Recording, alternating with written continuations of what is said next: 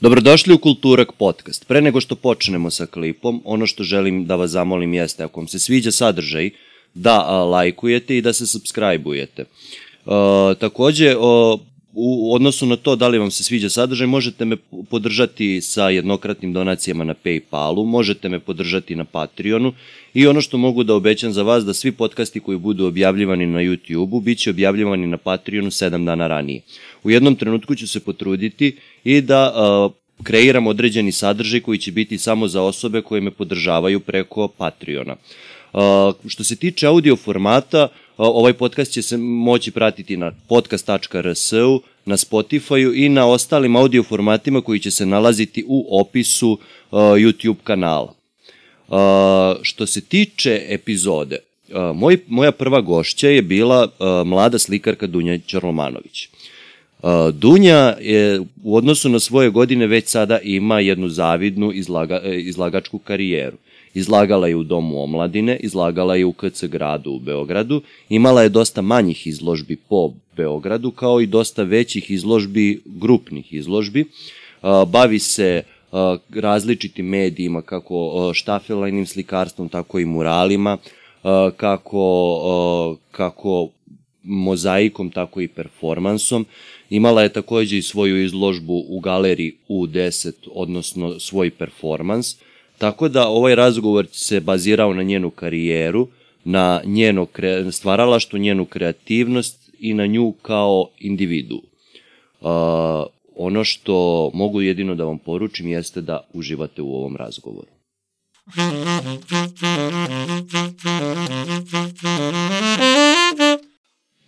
Pa desi, povrati me sunce. Desi, Ice.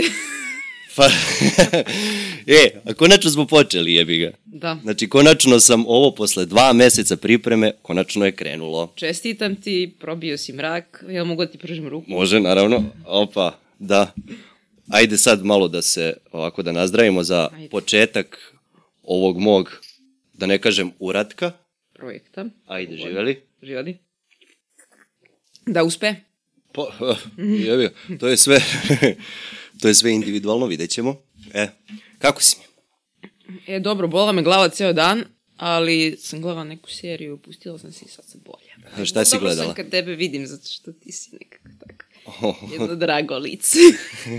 ne, ali ono, moja, moja ideja početka snimanja sa tobom je kao kako dovesti osobu koja verovatno ima više treme nego ja, razumeš, na samom početku i tako probiti led i pritom s tobom uvek imam o čemu da pričam, pritom pa da. cenim tvoj lik, tvoje delo, lik pre svega tvoje delo manje više.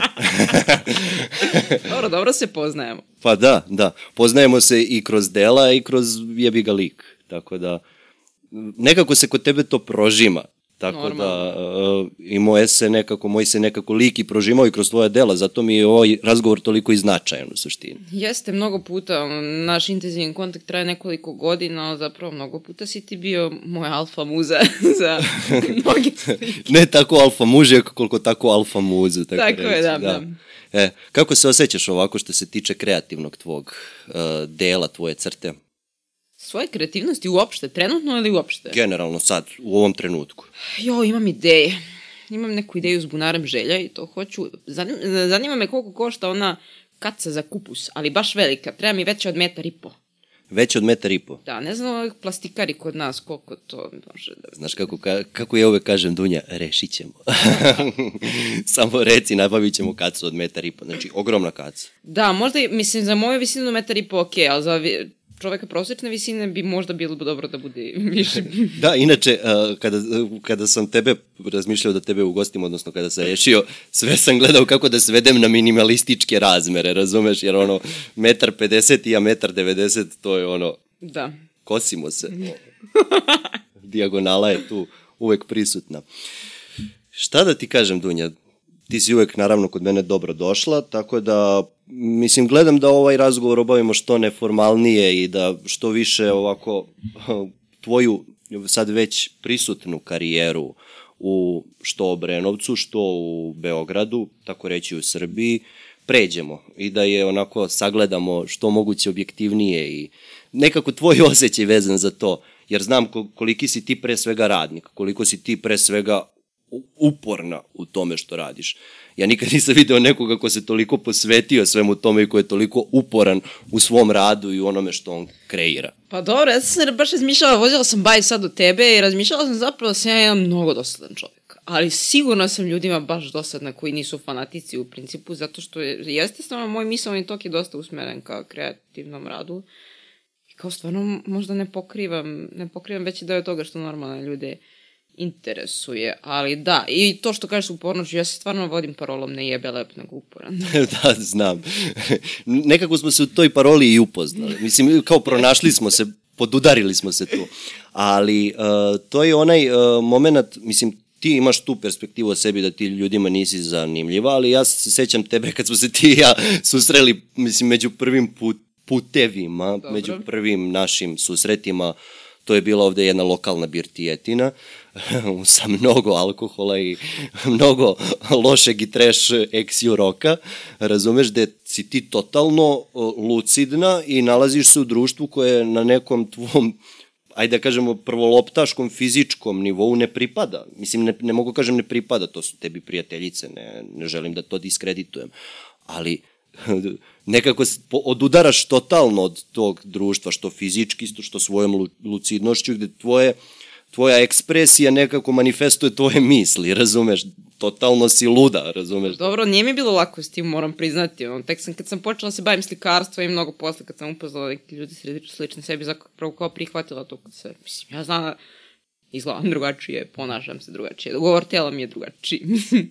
Da, pa mislim nekako, uh, kako, je, kako je izgledao taj put prihvatiti sebe otprilike? Šta je to značilo? Prihvatiti sebe kao slikara i kao drugačije individue, a nekako opet uh, funkcionisati sa svim tim ljudima koji su slični jedni drugima?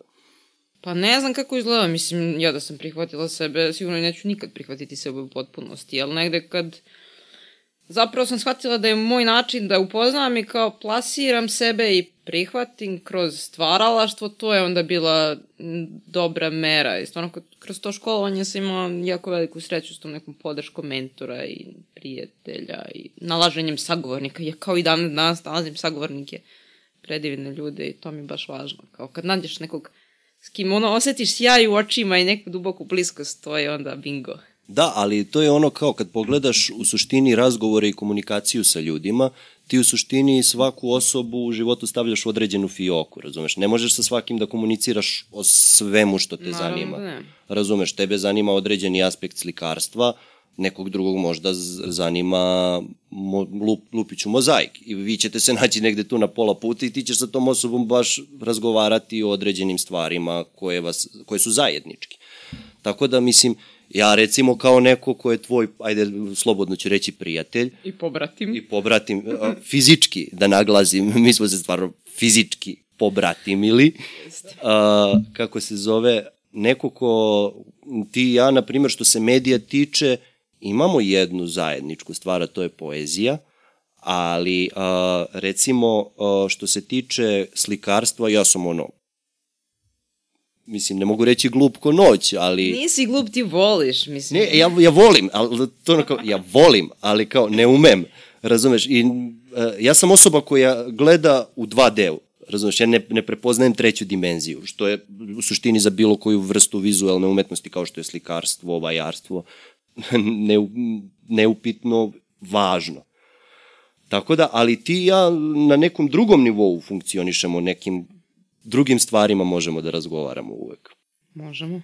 Tako da, Dunja, kako, kako, si, kako izgledalo tvoje detinstvo? Ti kao kreativno dete, kako si ti pokušavala da iskažeš taj svoj kreativni aspekt? Tu, tu kreativnu, kako je ona izbijala, ne, kako si ti to iskazio, kako je ona izbijala iz tebe? To je ono što me u suštini zanima. Pa ne znam, mislim kao, ja se sećam ranog detinstva, baš sam sinoć u kafani pričala sa prijateljima o tome kao, pošto smo sestra i ja rođene isti dan, sećam se kao tog svog trećeg rođendana kad je ona rođena, kao sećam se zapravo rano i kao posle sam pošla u obdanište, ne znam sa koliko, s koliko se kreće u obdanište, 4-5 godina, otkud znam. Ali ne znam, mi... da li si išla u jaslice ili... Nisam, nisam, čuvala me baba, ali onda je negde bilo normalno da kao socijalno, ne znam šta se prilagodilo i sve to da odem u obdanište obdanište sam mrzala. Ali ono bukvalno. mislim, ružno je reći, ali baš nisam osetila nikakvu vrstu prisnosti, ni s tom decom, ni s tim vaspitačicama, onako, i samo mi je kao da mi Keva dođe po mene, idem kući. I zapravo tu se nešto dosta crta. Mislim, otkud znam. Meni baba je pričala kao da sam ja stalno tražila od nje da mi zajedno crtamo i da kao čitamo riznicu i kao stalno sam učila te neke pesmice. Ali u nekom trenutku vaspitačice su kao to nešto mojima govorile kao da se možda ja specifično interesujem za crtanje nego druga deca i kao da sam možda daroviti, darovitija.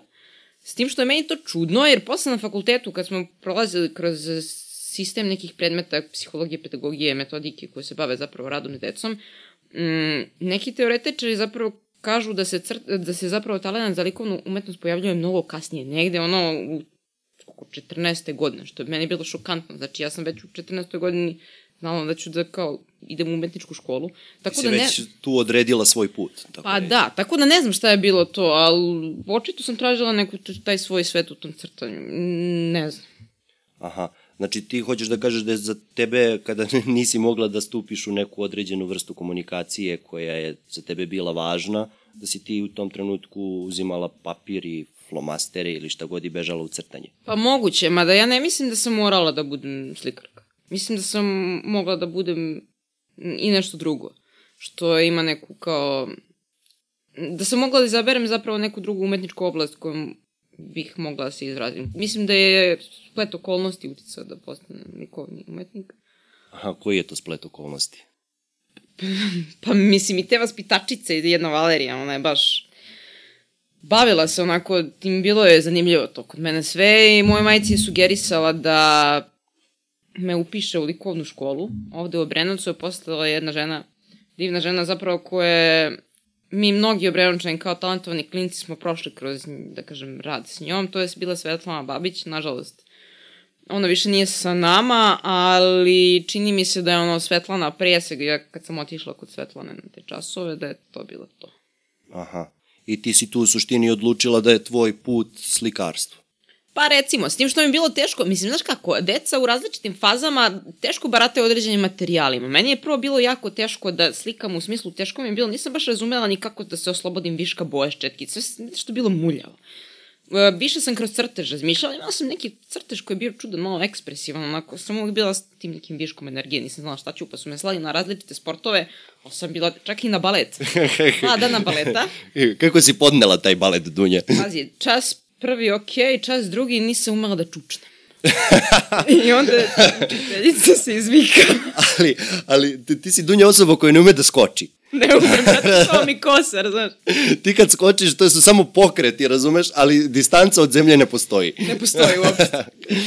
to je, ja se sećam, mene su poslali na folklor jedan put i to je bilo ono cupkanje, razumeš, jedan dan. Iako i kolo igram celim telom, razumeš, kad odeš na neku svadbu, sad ja to, od toga pokušavam da napravim neki geg, neku zajebanciju, razumeš, i ja kao tu igram kolo, ja sam totalno, uh, imam osjećaj za ritam, ali men, ja imam dve leve noge mene noge ne slušaju apsolutno i moj talenat tu ne postoji.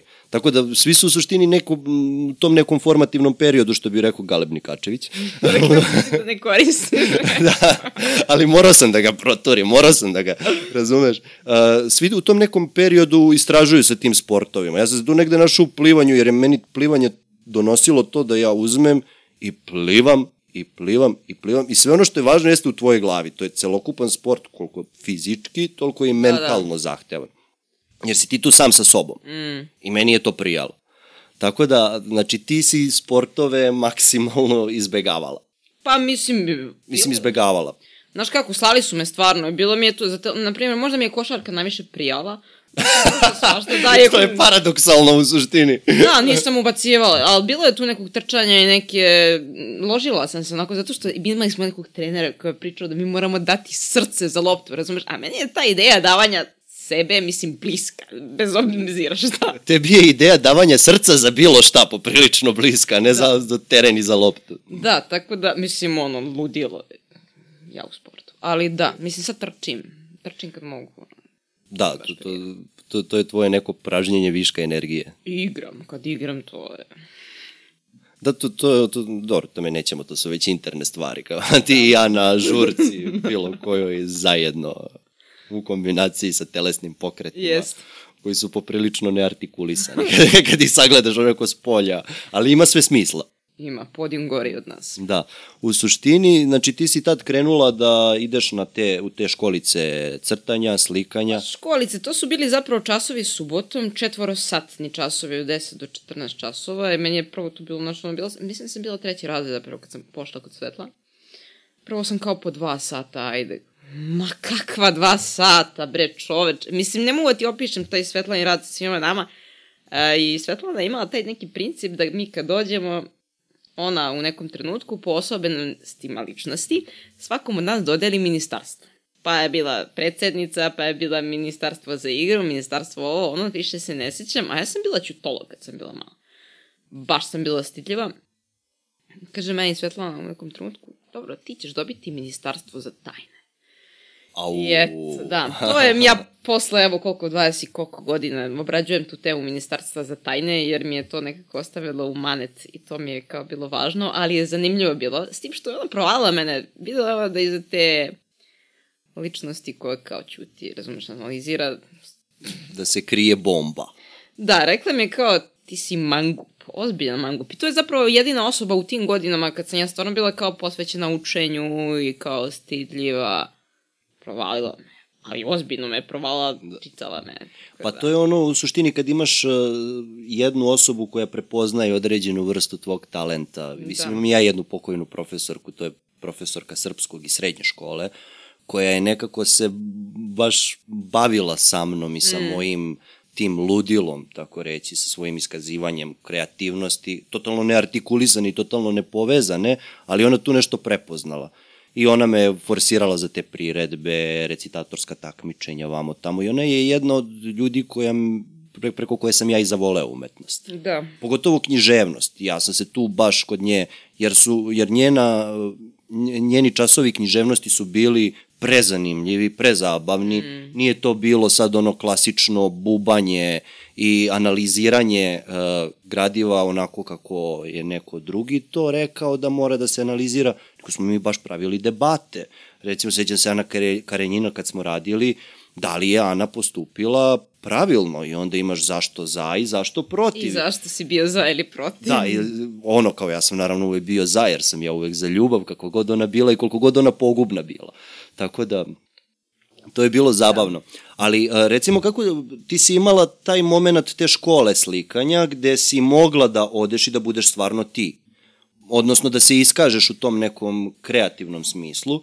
Mislim, ljudi koji nikada nisu slikali ne znaju koliko je to u stvari teško. Ja se sećam kada dođemo kod tebe recimo u atelje, u kakvim god različitim situacijama.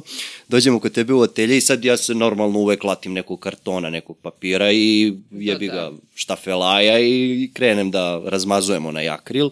To u suštini je ekstremno teško jer ti moraš da vodiš računa o svakoj kapi koja može da curne, o svakoj boji, o svemu Kako si ti to kontrolisala u tim godinama? Mislim, sad već vidim kako kontrolišeš, jer možemo da vidimo i ovde neke slike, da. koje si mi ti donirala za ovaj podcast. donirala, Luka, kako je to reč? pa jesi, molio sam te. Čak nisi tela ni na telefon da mi se javiš, ja sam došao da ih uzmem. Da, da. I ti si taj uporan. Da, tako da, kako si se ti snalazila u drugim aspektima, recimo škole, kao osnovna škola? Pa ja sam bila štreber, baš ozbiljan. Mislim, od prvog do četvrtog razreda sam ono kidala školu i sve. Posle od petog do osmog nešto mi se desilo. Dobila sam te predmete koje me baš nisu zanimali i ovaj kao određen... Bila sam odličan đak, ali nisam kidala. Neki predmete sam kidala. Posle kad sam upisala dizajnersku sam prekidala. Ali kao to je bilo je moj teren, čoveč. Da. Mislim, mi kad pogledamo, ti si išla u tu osnovnu školu u koju si išla, verovatno časovi likovnog, ono kao be like, omiljeni. Da, i muzičko mi je bilo važno i srpski jezik. To da, sam ti inače sviraš vrulu. Pa dobro, umem, to sam kod drage nastavice Maje, ona je to zapravo kroz zapravo ona brani tu parolu i meni se to dopada da svako dete može da svira, ali ja sam se na to ložila. Mislim, sad kao gitaru učim, ali stvarno imam mnogo posla i jako mi je žao što... Mnogo je dugo učiš, Dunja. Mnogo, pa ko ne... Ja se sećam nekog momenta, mi smo se vraćali sa neke ble u Beogradu, da li smo bili na nekoj izložbi ili šta, i sad smo zaboli tu negde u Obrenovcu i ti si izvadila frulicu i samo krenula da sviraš, razumeš, gde sam se ja oduševio. Da, znaš. da. Ma ne, to, to baš, ali baš sam vežbala to. Da, i sad, uh, mislim, celokupno kad ti sagledaš ovo što smo mi sve rekli, jedan logičan put je bio upisivanje umetničke srednje škole. Pa jest. Da li si, kako, kako si se za to onako odlučila? Jesi težila sve vreme ka tome ili je samo u jednom trenutku kvrcnulo i ti si rekla, e, ja idem u umetničku školu? Pa neko, mislim, moja majka je uvijek insistirala, pošto ja sam stvarno mogla da učim, mogla se bavim različitim stvarima, da kao ipak stvaralaštvo bude neki hobi, dok je, ja kao nisam bila za tu opciju. Nekako sam valjda osetila da stvaralaštvo, ja stvarno verujem da stvaralaštvo ne može da bude hobi. Znači, ili jesi unutra ili nisi. Može, ok, lepo je da ljudi rade iz hobija, ali to kao onda nije zbilja. Uh, od, od oca sam tu kao baš neverovatnu podršku dobila i nekako smo se mi porodično saglasili, majka je pristala zapravo da kao, ajde, idemo ka umetnosti. Svetlana nije bila za to da... Svetlana nije bila za to... Šta radim s ovim lukom? Ništa, samo ga pomeri ka sebi mikrofon, slobodno. A gde da ga uvatim? Pa tu, e. Dobro. E, tako. Dobro. E, da, zapravo škola za dizajn je ranije bila škola koja je imala četiri dizajnerska smera. I dok sam ja još uvek išla kod Svetlane, ona je to dobro znala, ja u nekom trenutku kad sam ju obavestila da želim da upišem dizajnersku, ona je rekla, nije to za tebe. Jer sam ja imala zaista taj neki ekspresivan crtež koji je bio neartikulisan mm, po mnogo pitanja, ali znam, ja nisam crtač koji dobro vidi. Bila. Ja sam zapravo, teš, mislim, stvarno sam mnogo radila da bih sebe dovela u stanje da vidim i da kontrolišem svoju ruku, ali... Si, tako reći, introspektivan jedan umetnik koji vidi iznutra i to iznutra ispoljava uh, ka platnu, papiru, odnosno kog se već medija dovati. Pa i to, ali mislim da se imala tu neku, u samom tom kao formalnom smislu, da se imala neku, baš zbog te neke energije neartikulisane, neku crtačku ekspresiju specifičnu i mislim da se imala dobar osjećaj za boju. E sad, to smatram stvarno svojim talentom. Ostalo ne. I Svetlana je to kao prepoznavala, naravno, ona je baš forsirala velike formate kod nas klinaca i meni je to, ja sad radim na njenem štafelaju, jer posle njene smrti mm, u nekom trenutku komunikaciji s njenom sestrom, meni njena sestra je rekla, uzmi šta kod poželiš, ja sam sad na doktorskim studijama i kao treba i da čitam i sve to, Svetlana imala je mnogo literature i to i kao ja sam ipak izabrala štafela jer je to kao prvi, pred, prvi štafelaj za koji sam ja stala. Prvi put kad mi je dala da radim za tim štafelajem, to je bila nevjerojatna čast. Ja sam znači još klinka.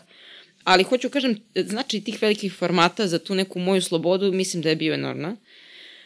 Uh, I teže sam posle to sputala, to jest upakovala u formu prijemnog ispita. E sad šta je bilo, šta se desilo s tom školom zapravo srednjom? Ranije je to bilo... Kako izgleda taj prijemni ispit, izvini? Ti imaš tri dana polažeš. U moje vreme nije bilo, nisi morao da polažeš matematiku srpski. Sad deca moraju to da polaže, to je kao zbir. Dok je moja majka insistirala da ja polažem zapravo. Spremala sam i matematiku i srpski, na kraju nisam izašla jer je ona mislila da se neću snaći i da će bolje biti da idem u gimnaziju. Uh, da, znači imao si u toj školi dizajn grafike, enterijera, tekstila i industrijski. Ne, indu, da, industrijski.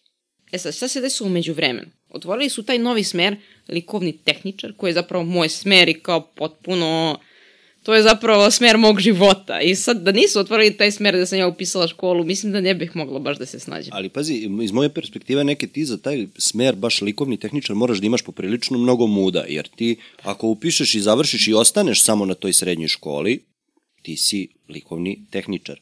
Mislim i ta sama e, te dve reči likovni tehničar ne Tako je, ne ide, ne ide jedno uz drugo. Ti, ti, to je, ti si tehničar, to, to ti kao mašinski tehničar za... Pa ne, ne, neću kažem ništa, ti si prošao jedno ozbiljno obrazovanje, jedan ozbiljan drill, pretpostavljam, u toj školi, razumeš? Ali ti papirološki da. uh, nemaš zvanje, ne, nemaš kalup gde bi, te, gde bi mogli da te ostave. Nemaš, naravno, kad imaš drugo je kad prišaš sa mašinskim, kad imaš konkretni zanat zapravo. Kao što Mislim, imam recimo ja, ono medicinski da. tehničar, jebi ga, naravno, razumeš? I ja naravno. kao, ja znam gde ja mogu da radim.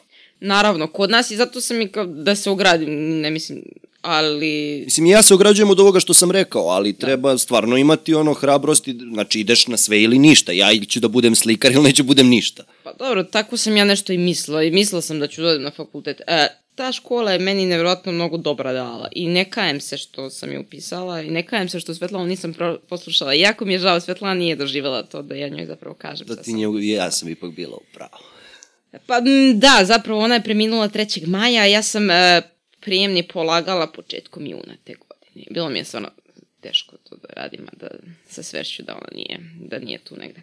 Da. Uh, ali škola kao škola je bila divna. To je više škola, mislim, mogu da pričam o mom smeru. Stvarno sam našla zaista dobre prijatelje, ono, prijatelje za ceo život i ti profesori koje sam ja imala, ti imaš tu profesore posebnog za crtanje, za slikanje, za tehnologiju zidnog slikarstva. Inače, profesorka tehnologije zidnog slikarstva je zapravo moja omiljena osoba u školi i kao umetnik i kao predavač. Divnu profesorku slikanja sam imala, mislim da je ona odličan pedagog, mislim, to su sve ljudi koje sad više mogu da nazovem prijateljima. Ali... To, sad, to su sad ljudi koje možeš tako reći kolegama, kolegama već ne nazoveš. da, ali eto, mislim, značajne su bile za mene, stvarno su vam davali veliku podršku. I profesorka, recimo, e, više medijske umetnosti.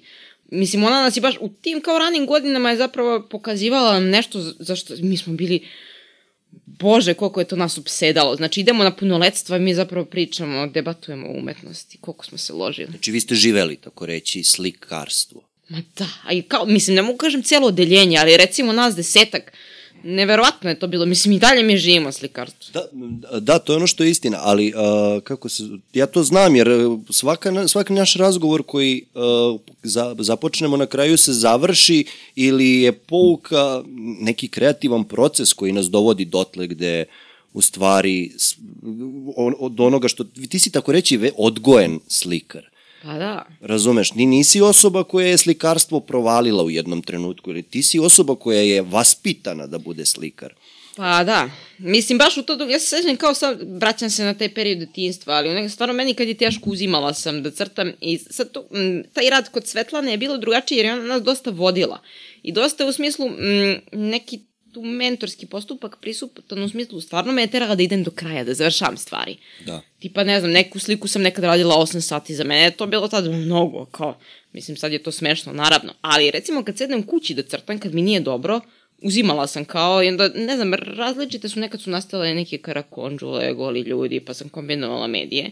I uvek mi je recimo važno bilo šta mama misli i kad m, vidim u majčinim očima da kao je ona možda malo se uplašila zbog tog rada ili kao da nije. Ja, se on, ja onda jako pobesnim i uništim taj rad. Ali zapravo mi je možda u celom tom postupku e, školovanja najznačajniji trenutak bio kad sam ja sama, znači bez ikakvog mentora, bez ikakve i kad sam sama u kontaktu s crtežom, tad je bilo najintimnije i najličnije. I to sam imala, osjećala sam to bukvalno u telu. Ti si mi sad dala jedan dobar šlagvord za to, a to je uh, tvoje nek, tvoj, tvoj tikovi. Dobro. Ti si uh, osoba koja je takođe u detinstvu imala hm, ne mogu reći ozbiljan problem, ali ajde. A, ozbiljan problem. Ozbiljan problem sa da. tikovima. Da. Mislim, uh, št, ajde objasni otprilike šta su tikovi, da ne pričam ja sad. Pa dobro, tikovi su vrsta obsesivno-kompulsivnog poremeća koji su zapravo polu voljne, polu nevoljne radnje, jer kao ti to može da kontrolišeš, ali zapravo ako previše kontrolišeš, onda ti telo eksplodira u nekom trenutku. Mislim, ja mislim da sam kao celo život imam taj stvarno problem, imam višak energije. I onda negde u toj ranoj osnovnoj školi počele su da mi se javljaju te neki kao refleksi, ne znam, bili tu i zvučnih i kako se, mislim ima sad tu, ako proučavaš temu različitih, kako se to zove, i neki su bili telesni, u principu uvek su bili, nekad je bila kombinacija tih nekih nevoljnih pokreta, nekad su prelazili iz jednog u drugog, ali to je mučenje veliko za telo. I ne znam, nekako zapravo, mučenje i naravno i za tebe kao tebe za prihvatanje, kao to je nešto što se vidi. Tako kao? je, ali to je nešto što je, uh, tako reći, na vetrometini. Ti si toliko podložna stigmi i određenim predrasudama, pogotovo u tom periodu zbog tih tikova, da su tebe, ne znam kako su tebe ostala deca gledala zbog tih tvojih pokreta, Pa, znaš kako, i meni se čini, nisu me zbog toga nešto. Mislim, imala sam ja druge vrste problema u tom, da kažem, odrastanju i sve to. Mm, to jest u socijalnom odrastanju, ali zbog tikova, čini mi se da je neko tu sad iz perspektive nastavnika i ja mogu da sagledam kako se zapravo to radi. Mislim da je tu neko obavio dobar posao pedagoški u radu sa ostalom decom, da su se deca pravila da to ne vide. Aha. Mislim, nekad i kad je meni potrebno, ja sam zapravo i pričala o tome kao što sam starija sve više s prijateljima, ali čini mi se da da su to zapravo ok prihvat. Dobro, mislim, ima momenta kada kod, tebe u određenim situacijama uh, emotivnog naleta i naboja i dan danas isplivavaju da, ja određeni dalje, tikovi. Da. Uh, mislim sad da ih ne spominjem, to su uh, kijanje u određenim situacijama, ne znam, uh, Šmrktanje. šmrktanje koje ono kad god se uzbudiš ili kad god dođe do neke neprijatne situacije, kada dođe do recimo neke rasprave koja je Da, da, da. poprilično žučna na granici sa svađom, da ti dolaziš u situaciju da samo, mislim ja sam imao situaciju kada sam se uh, sa, sa jednom našom zajedničkom prijateljicom posvađao, samo čuješ Dunju koja po, u pozadini šmrkće, razumeš? Da, da. I poprilično intenzivno i to deluje poprilično iscrpljujuće. Jeste. Jeste, mislim, nije meni uopšte zgodno bilo s tim i nije mi drago bilo. Mislim, drago, kako možda ti bude drago zbog nek... Ali otkud znam, sve su to, mislim, ima mnogo dece tih problema i ono što je važno da zapravo to je razvojna faza. Mislim, ok, ostaje u nekim nazvam, ali kao sazrevamo. Ako imate tikove, ne znači ste ludi. Mislim. Zašto sam se ja uhvatio ovih tikova? E, Ja se sećam, e, bilo je jedno bijenale mladih, Dobro. To je bilo pre dve godine tačno, otprilike, uh, kada si ti radila rad koji, ceo si video rad posvetila svojim tikovima. Jeste, ja sad ne bih ulazila u de- Ne, detaljno. ne, opis, ali uh, kako si se ti osjećala, ono što mene zanima, jeste kako si se ti osjećala u tom momentu kad si ti te tikove, jer si ti svaki od tih tikova odglumila u tom video radu, kako si se ti osjećala onog momenta kada si ti pustila to javnosti i to na neki način ogolila? E, ne znam, prvo, zašto sam to uradila, to je isto bio neki intenzivan trenutak, neki gde kao sam ja osetila zapravo potrebu da uradim perform, da, da zapravo da uradim taj neki performativni moment, da to kao snimi, da to bude video instalacija, dosta si mi ti pomogao kod te konstrukcije kutije i tako dalje, da ne opisujem ljudima kako je bilo, mislim to je možda najintimniji rad koji sam ja do sada izložila, Uh, kako sam se osjećala? Uh, osjećala sam se tako da znam da je bilo otvaranje i ja hodam i samo zapravo počinjem da imam sve za šta sam zapravo uradila. Da. I kao nije mi prijatno, ali onda šta me briga. Mislim, na, to, na tu izložbu o tom radu ne znaju mnogi ljudi. Znaju samo moji najbliži ljudi, najbliži prijatelji, tako da... I par hiljada ljudi koji su bili na toj izložbi. Da, ali s kojima Iz nemam cele ništa. Srbije i iz celog sveta. Pa dobro. Ali uh, to je ono zašto sam te... Uh, to se generalno prožima kroz tvoje delo. Sad mislim skačemo s teme na temu, Okej, ali koga da. jebe. Uh, mogu da radim šta. Možemo i da psujemo ovde. Da, da, apsolutno. Nisam ono, uh, kako se zove, u fazonu da Da to se sečemo. Okej, okej. Da se artikulišemo, nikakvu kontrolu. Dobro.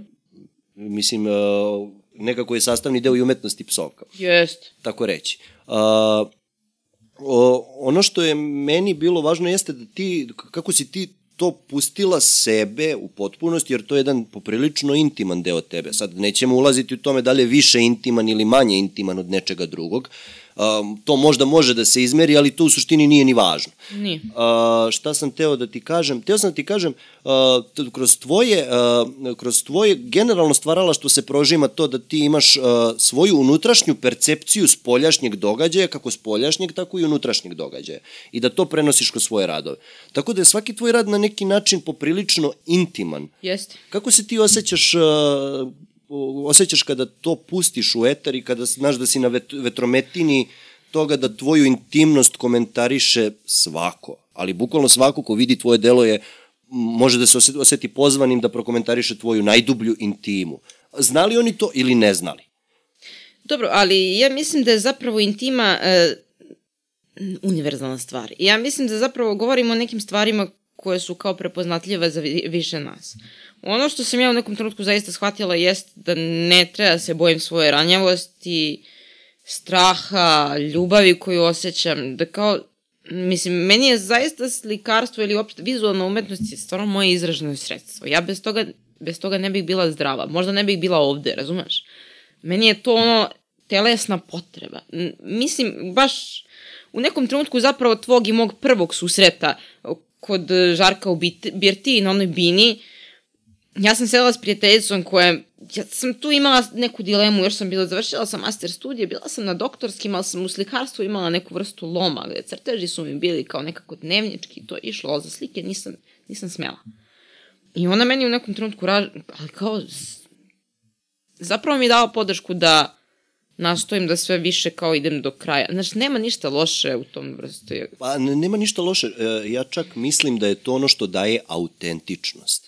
Jer, e, mislim, e, evo ja recimo kao neko ko piše poeziju, za sad samo poeziju, uh, mogu da kažem da ja ne mogu da napišem nešto što nije napisano već napisano sto puta, Naravno. hiljadu puta, ne u svetu, nego samo na ovim prostorima gde mi sad obitavamo, mm. a, kako se zove, a jedino ono što, a, što mene može da čini autentičnim jeste taj odlazak do kraja.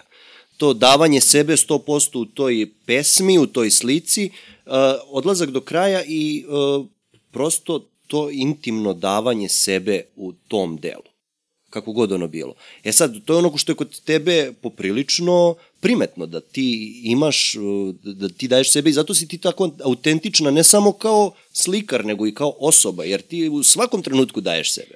Pa dobro, ja imam to malo, mislim, možda to ljude stvarno i opet možda im je teško, možda ih i smara, ali ja imam tu neku potrebu da mislim, kopam i u razgovoru, kad me neko zanima, naravno, kad me ne zanima, onda...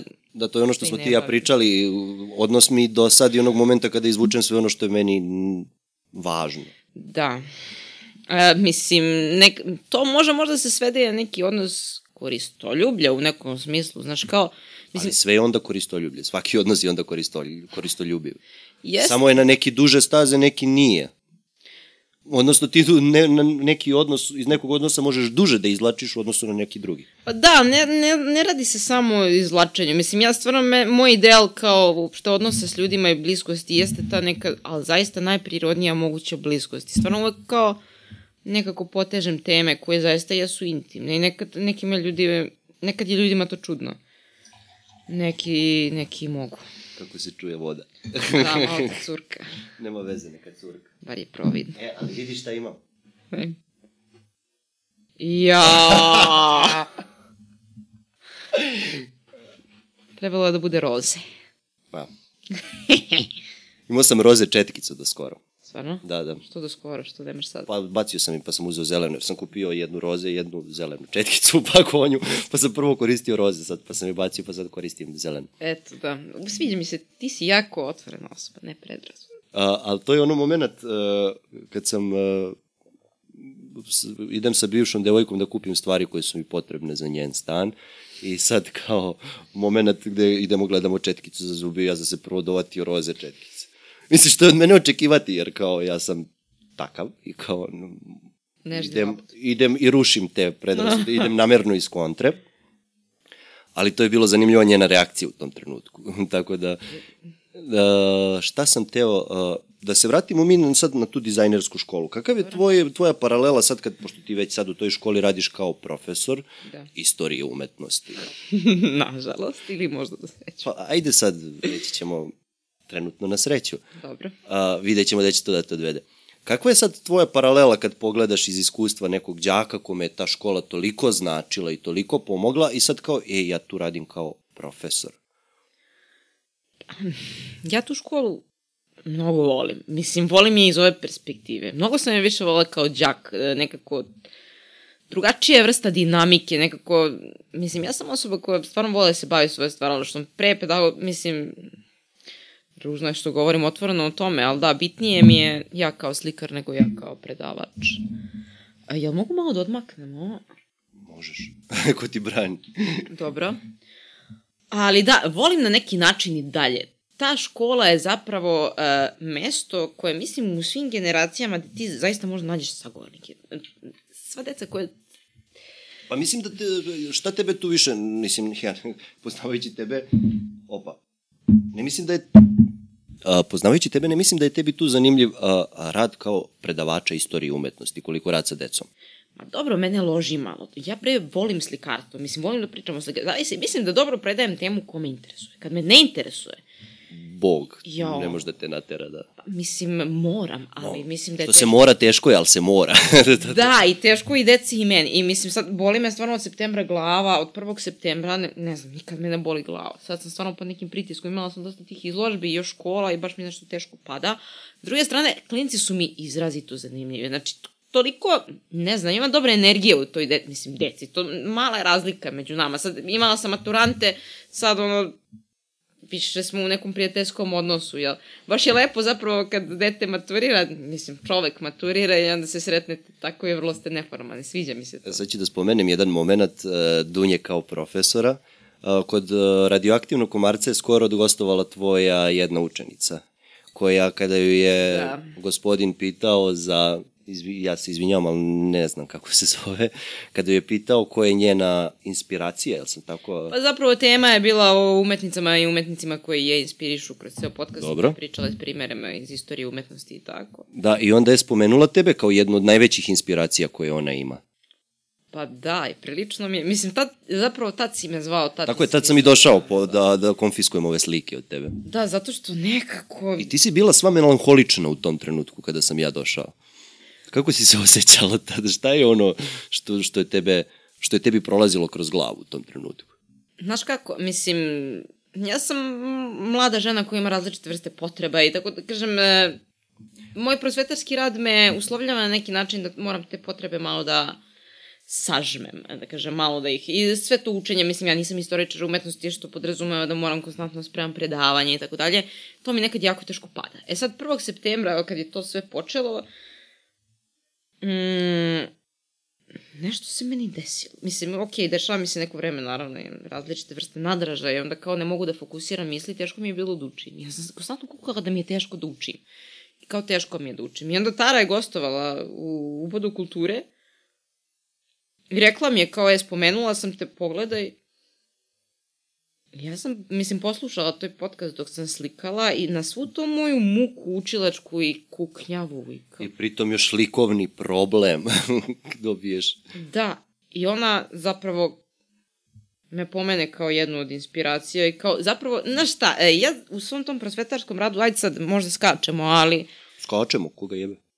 e, možda jednim od problema nekad smatram te svoje godine, neko neiskustvo ili neki te pogubljenost i tako dalje. Ali zapravo Tara me je jako dobro ošamarila na jako moćan način. I onda kao, jer je pomenula zapravo i, i te moje godine i sav moj rad kao umetnice. Ne, znaš, ja sam nekad mislila kao da mene zapravo tamo fokusiranost na moj rad možda koči, ne mogu da bu- bude možda dovoljno dobar profesor. Ona je zapravo to istakla kao i svoj kvalitet i kao neko ohrab, to jest kao moj kvalitet i kao neko ohrabrenje za njih koji su malo mlađi od mene, ali ošamarila me. Tako, znači ne mogu da ti, baš sam se, mislim, potresla na mnogo dobar način. I stvarno sam imala potrebu da podelim s ljudima, pa sam se osjećala glupo, ali kao, e, ali kao neko misli da ja radim nešto dobro, bez obzira što kukam. Mislim, neverovatan je osjećaj.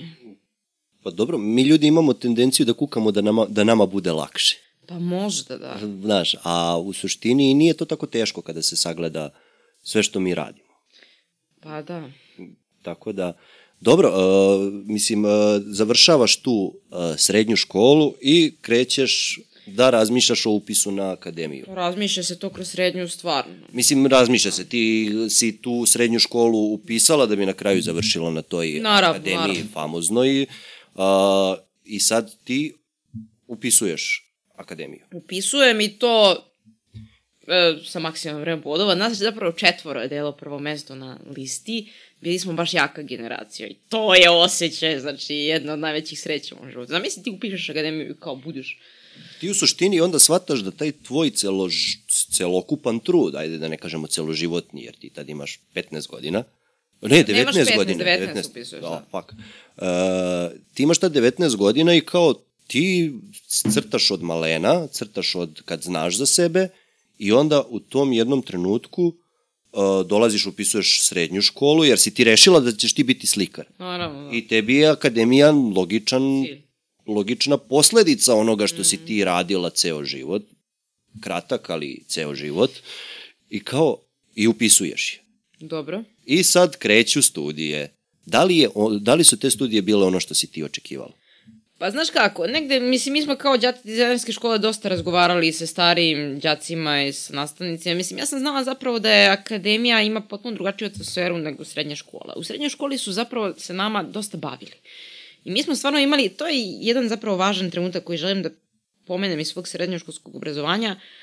Uh, bila je neka godina, godišnjica proslave Milanskog edikta, mi smo četvrta godina na početku, oni su raspisali prvo neki konkurs za idejno rešenje e, posvećeno Milanskom ediktu i tako dalje. E, Ko će da se prijavi nego Dunjević? naravno, aplicirali smo, aplicirali smo razni. Pobedničko rešenje je bilo jedne drugarice sa smera grafičkog dizajna i to je to. Ali nama nisu rekli šta zapravo treba s tim. To je konkurs i to je okej. Okay. U nekom trenutku, uh, početkom godine, dolaze Da, to je bila četvrta ili kraj treće. Ne sjetim se, ali tako nešto.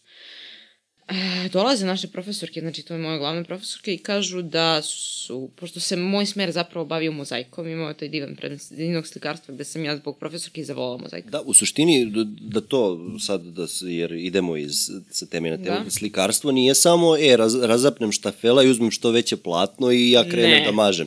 Ti u slikarstvu imaš toliko grana i toliko načina da se izraziš. Da pa to... sad sam baš pričala s prvacima, znači najosnovnija podala slikarstva je na štafela i zidno. Zavisi, znači, u odnosu na nosač slike razlikuju se štafeledno i zidno. Šta je nosač zapravo? Nosač ti je ili papir, ili karton, ili daska, ili platno. I e, štafeledno slikarstvo je slikarstvo mobilno. Dok je zidno slikarstvo, slikarstvo koje je uslovljeno prostorom, uslovljeno zidom i tako. Sad u tim, tom zidnom slikarstvu ti imaš tehnike fresko i seko, imaš mural, imaš vitraž. Uh, hoću kažem, uh, širok raspon tehnika u odnosu na nosač, da li je kao prenosiv, dakle kao platno ili ili zid. Tako da mi smo osposobljeni posle našeg školovanja da radimo...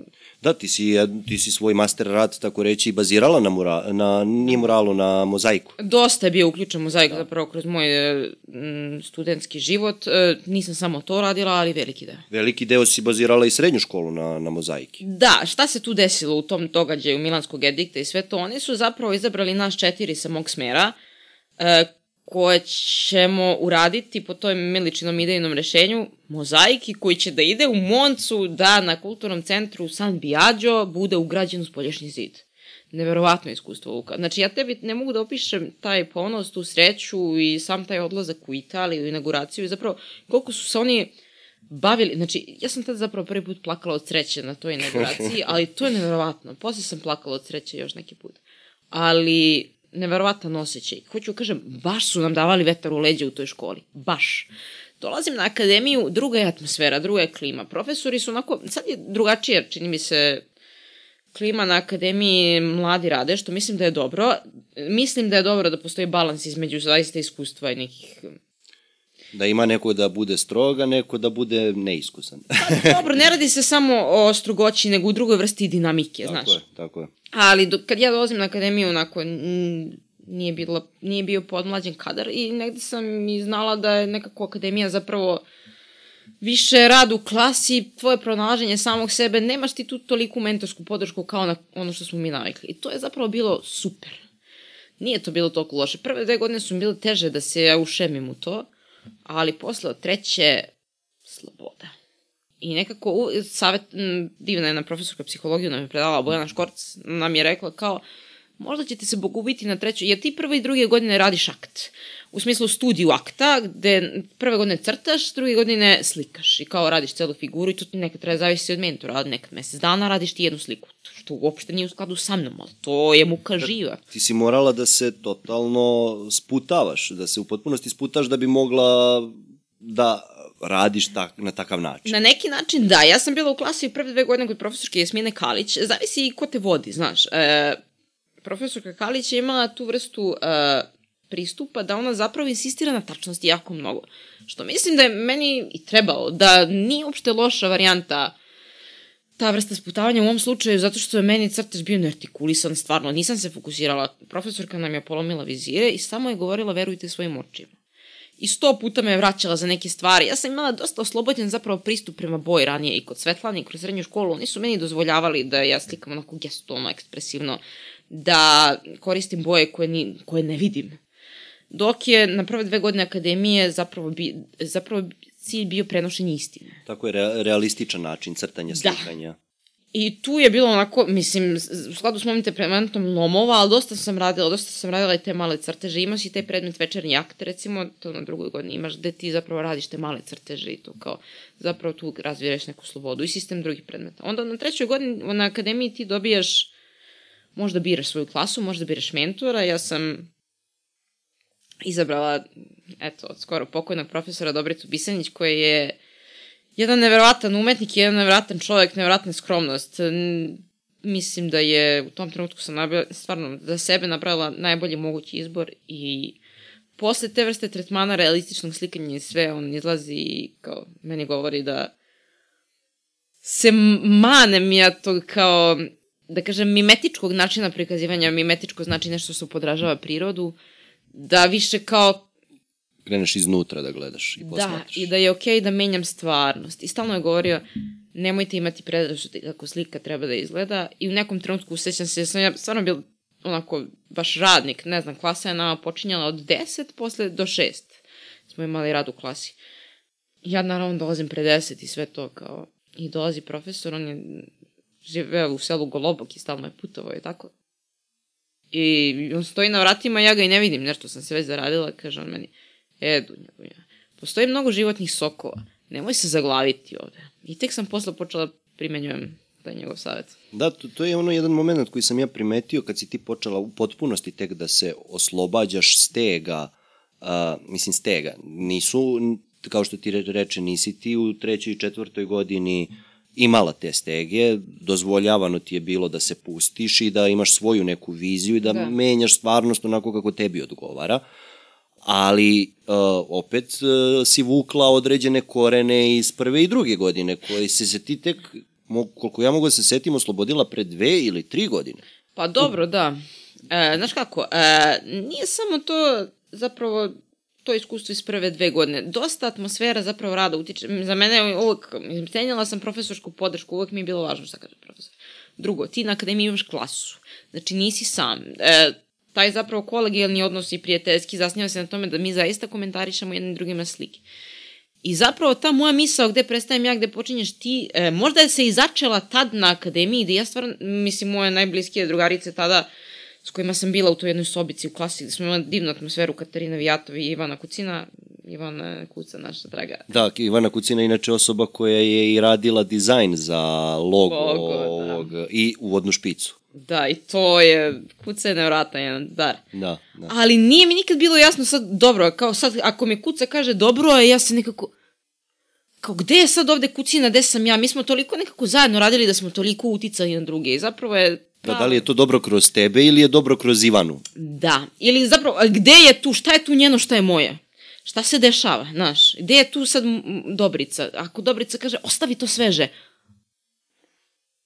Dobrica je zapravo imao taj divan neki, on je volao te neke slike koje su nedorečene i mislim mi... Nedovršene. Tako je. Da, dosta mi je negde ubacio tu vrstu mehanizma i a, privrženosti ka nedorečenosti, a znaš, ali nije ni okej uvek da bude, nekad imaš potrebu da...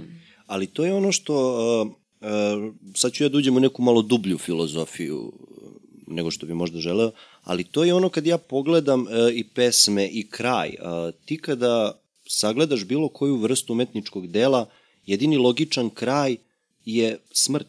Ti nemaš uh, kraj, razumeš? Kada završiš određeno umetničko delo, odnosno sliku kada sagledaš, kada Dobro. pročitaš određenu knjigu, na kraju ne bi trebala da stoji tačka, nego ne. tri tačke.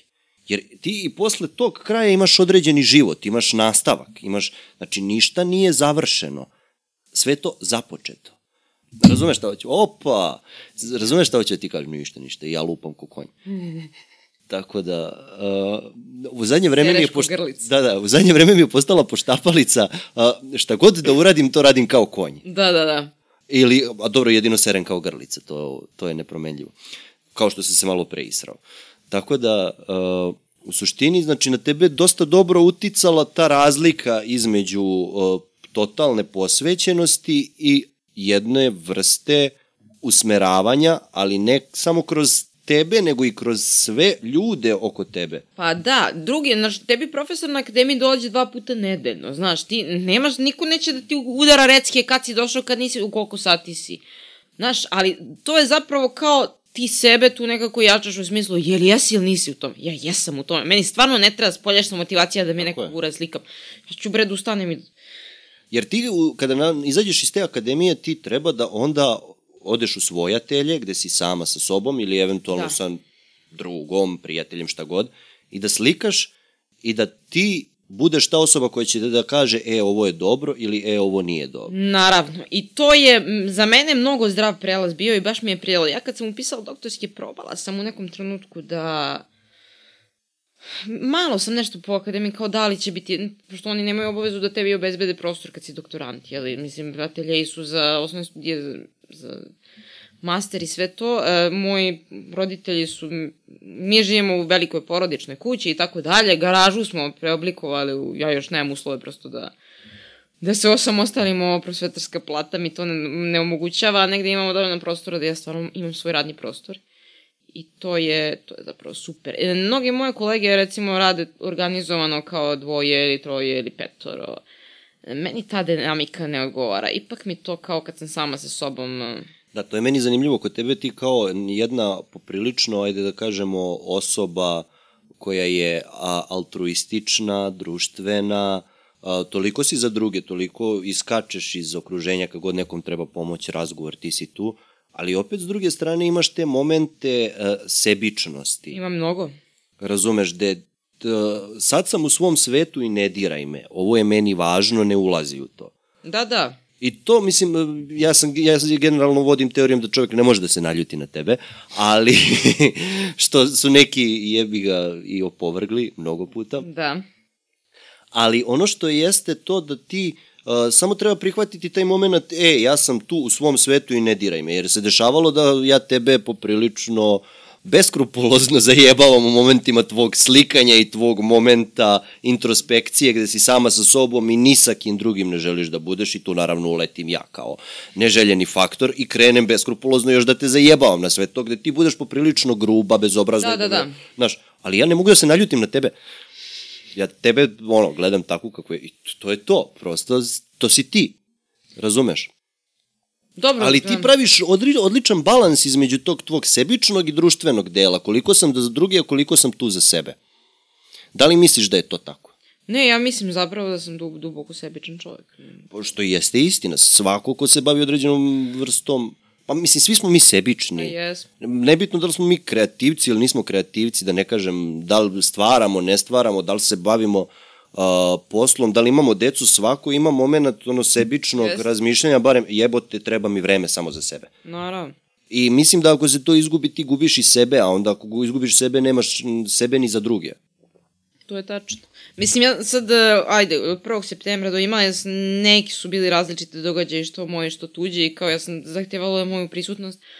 Ali recimo da dve nedelje nisam slikala. Mislim, radila sam neke kao, kao dosta je nekom rođen radi majice ili tako nešto, da, to da. mi je kao bar super. Da. da, ja imam košulju koju inače nisam mogu da nađem, teo sam nju da nosim. Da. Ti si labuda istetovirala tu na srcu, izvezla. da ne kažem na sisi. Da. Da, e, izvezla, izvezla, da. Da, uh, I šta si pitao? E, e, za moment, e, za, za sebičnost smo pričali. Dobro, ja se sad ne... Da, šta se... Da, htela sam da ti kažem zapravo da dve ne, nisam išla ozbiljno slikam, stvarno mi nije bilo dobro. A nisam bila dobro sa sobom. Da.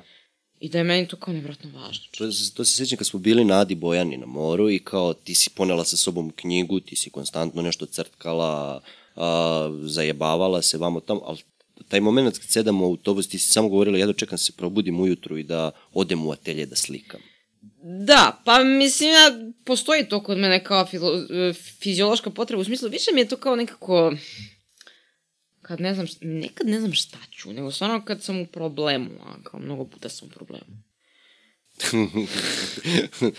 Dunja hodajući problem. Da, ali na, zapravo meni je slikar, slikarstvo ili neka vrsta stvaralaštva jedino... Rešenje. Pa da, jedino zašto ja mogu da se uvatim. I tako kroz život. Znaš, kao, mnogo puta izgubim poverenje u ljude, u sebe, u ne znam, ž... nemam te neke, nije dobro na poslu koji nije, mislim koji Koji ne voliš. Pa mislim, nije ne voliš koji te ne ispunjava na onaj potpuno, način kao što da. bi te ispunjavalo kod tebe, recimo, slikarstvo. Znaš, ili kao nesrećno volim, ili, znaš, to se mnogo puta dešava. Ali kad sam sa slikom, onda sam, ok, dobro sam sa sobom, znaš. Da. Uh, sad, uh, ti završavaš tu akademiju, završavaš master studije, je, ono što je za svakog umetnika važno jeste na taj izlagački deo. Dobro. Uh, odnosno za slikara izlagački, za pisca, izbacivanje knjige, za uh, reditelja, premijera ili glumca premijera pozorišne predstave za re, re, režiju, film i tako dalje, da ne nabrajamo sad medije mm. koji su tu u, u, za određene vrste umetnosti, ali e, recimo za e, za tvoj izlagački rad, koji evo sad, mislim, ovde ja imam spisak svih tvojih samostalnih izložbi. Naravno, bilo je i dosta grupnih izložbi Naravno. u toku što srednje škole, što fakulteta, što kasnije. mastera, što kasnije i posle svega toga. Uh, kako, uh, kako si ti gledala, odnosno kako je evoluirao taj tvoj odnos prema izdava, izlagačkom, ne izdav... A, ti si svoje. ja, da, Što je okej. Okay. Da, prema izlagačkom delu uh, slikarstva. Jer, mislim, uh, umetnost bez konzumenta nije umetnost, to je nešto što ja radim samo za sebe. I to je prosto tako a ti onog momenta kad rešiš da budeš slikar, ti se po defaultu orijentišeš kao neko ko će svoje delo da proizvodi da bi ga konz, određeni konzumenti, da, da ne kažem, da. konzumirali.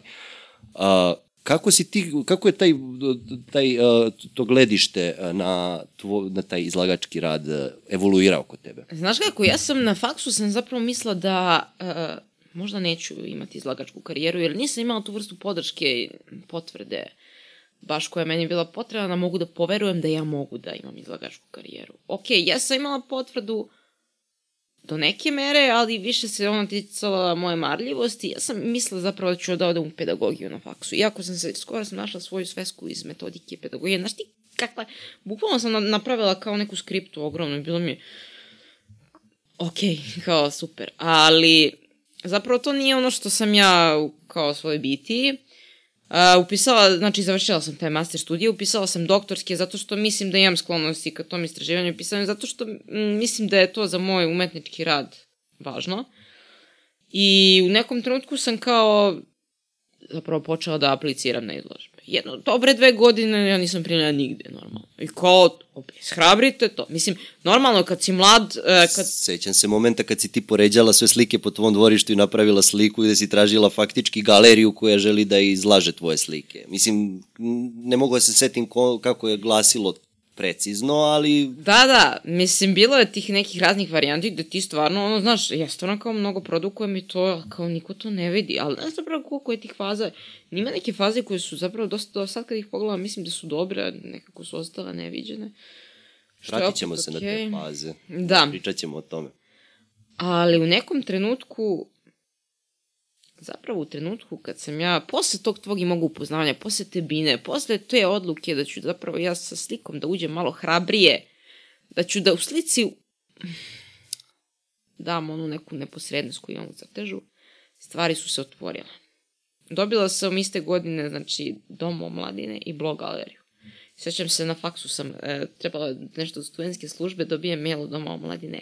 Mislim da je cela sa knez Mihajlova. Da ti si mene zvala u tom trenutku gde sam ja bio, ne znam, gde ne setim, i bukvalno vrištala na slušalicu, ali ti si u tom trenutku bila u sred knez Mihajlove, vrištala gde si ono, ja mogu da te zamislim kako onako skačeš u sred knez Mihajlove i Luka, ja sam dobila samostalnu izložbu u domu omladine jebote. Znaš, kao kad dom omladine. Ti kad uzmeš dom omladine, dom omladine je kulturni centar koji postoji godinama, da ne kažem decenijama, razumeš, i koji ima određenu vrstu kredibiliteta. Pa da. I ti si dobila izložbu u domu omladine i to je bilo uh, radovanje i čast i slavlje. Mislim, mi smo generalno imali uvek tendenciju da proslavimo sve što smo yes. ikada uradili u životu, tako kao što ćemo i ovo proslaviti posle da. sa jednom kafanskom večeri, ali tvoja sreća je bila toliko neartikulisana, da sam mogao da, da, da zamislim balon, balon bi bio ono deset ti, deset puta Ali, ti. Ali, dobro, možda zamisliš to, znači dve godine kao odbijanje, a, što je normalno i logično prirodno. Mislim da je odbijeno zato što nije sazrelo. Tako je. Mislim, Ali... koliko god o, to odbijanje je na neki način, o, ume da bude demorališuće, je na neki način i dobra stvar, jer preispituje tvoju upornost. Pa jeste. To, to, to je, ja sam napisao prvu zbirku poezije koja je bila odbijena od svih izdavačkih kuća. Pa da. A, ja sam u tom trenutku naravno nalazio izgovor za svaku od tih izdavačkih kuća zašto nije i naravno uvek je bio problem u njima, ne u meni, jer oni ne prepoznaju moj potencijal i moj talenat. Sad, dobro. Kako si namignuo suptilno. A, dobro. moj potencijal i moj talenat u tom trenutku, ja kad pogledam iz ove perspektive, sada i sa ovom vremenskom distancu, distancom, nije bio u toj zbirci. Ja, ta zbirka je prosto bila loša. Jer, kao i sve prvo što ti uradiš u životu, to mora da bude Da, da. diskutabilno. Ne loše koliko neprimetno, neautentično. Mislim, svakakvih ja tu imam komentara za tu moju prvu zbirku iz ove perspektive, ali ja sam onda došao i rešio, e, sad ću da napišem još bolju. I seo i pisao i odbijen od e, deset izdavačkih kuća, ali dobio jednu što je sasvim dovoljno da meni, ja dobijem tu zbirku poezije, da se ona izda. Naravno. Razumeš? Tako si i ti imala isto određenu seriju, sećam se da si imala određenu seriju pre, a, kako se zove, a, gde prestajem ja da počinješ ti, a, hoćeš da kažeš šta si slikala? One cvetiće i... Pičke. Pičke, tako je. Jesam, a to je, on, ja sam počela zapravo to da slikam još na faksu i mene su moji klasići mnogo zajebavali, a zapravo ja nisam to baš osvestila šta je. I onda mene moja draga mentorka, sadašnja, Ceca Volic, kaže meni, imaš ti tu neki motiv ovde ispred grada jednu smokvu.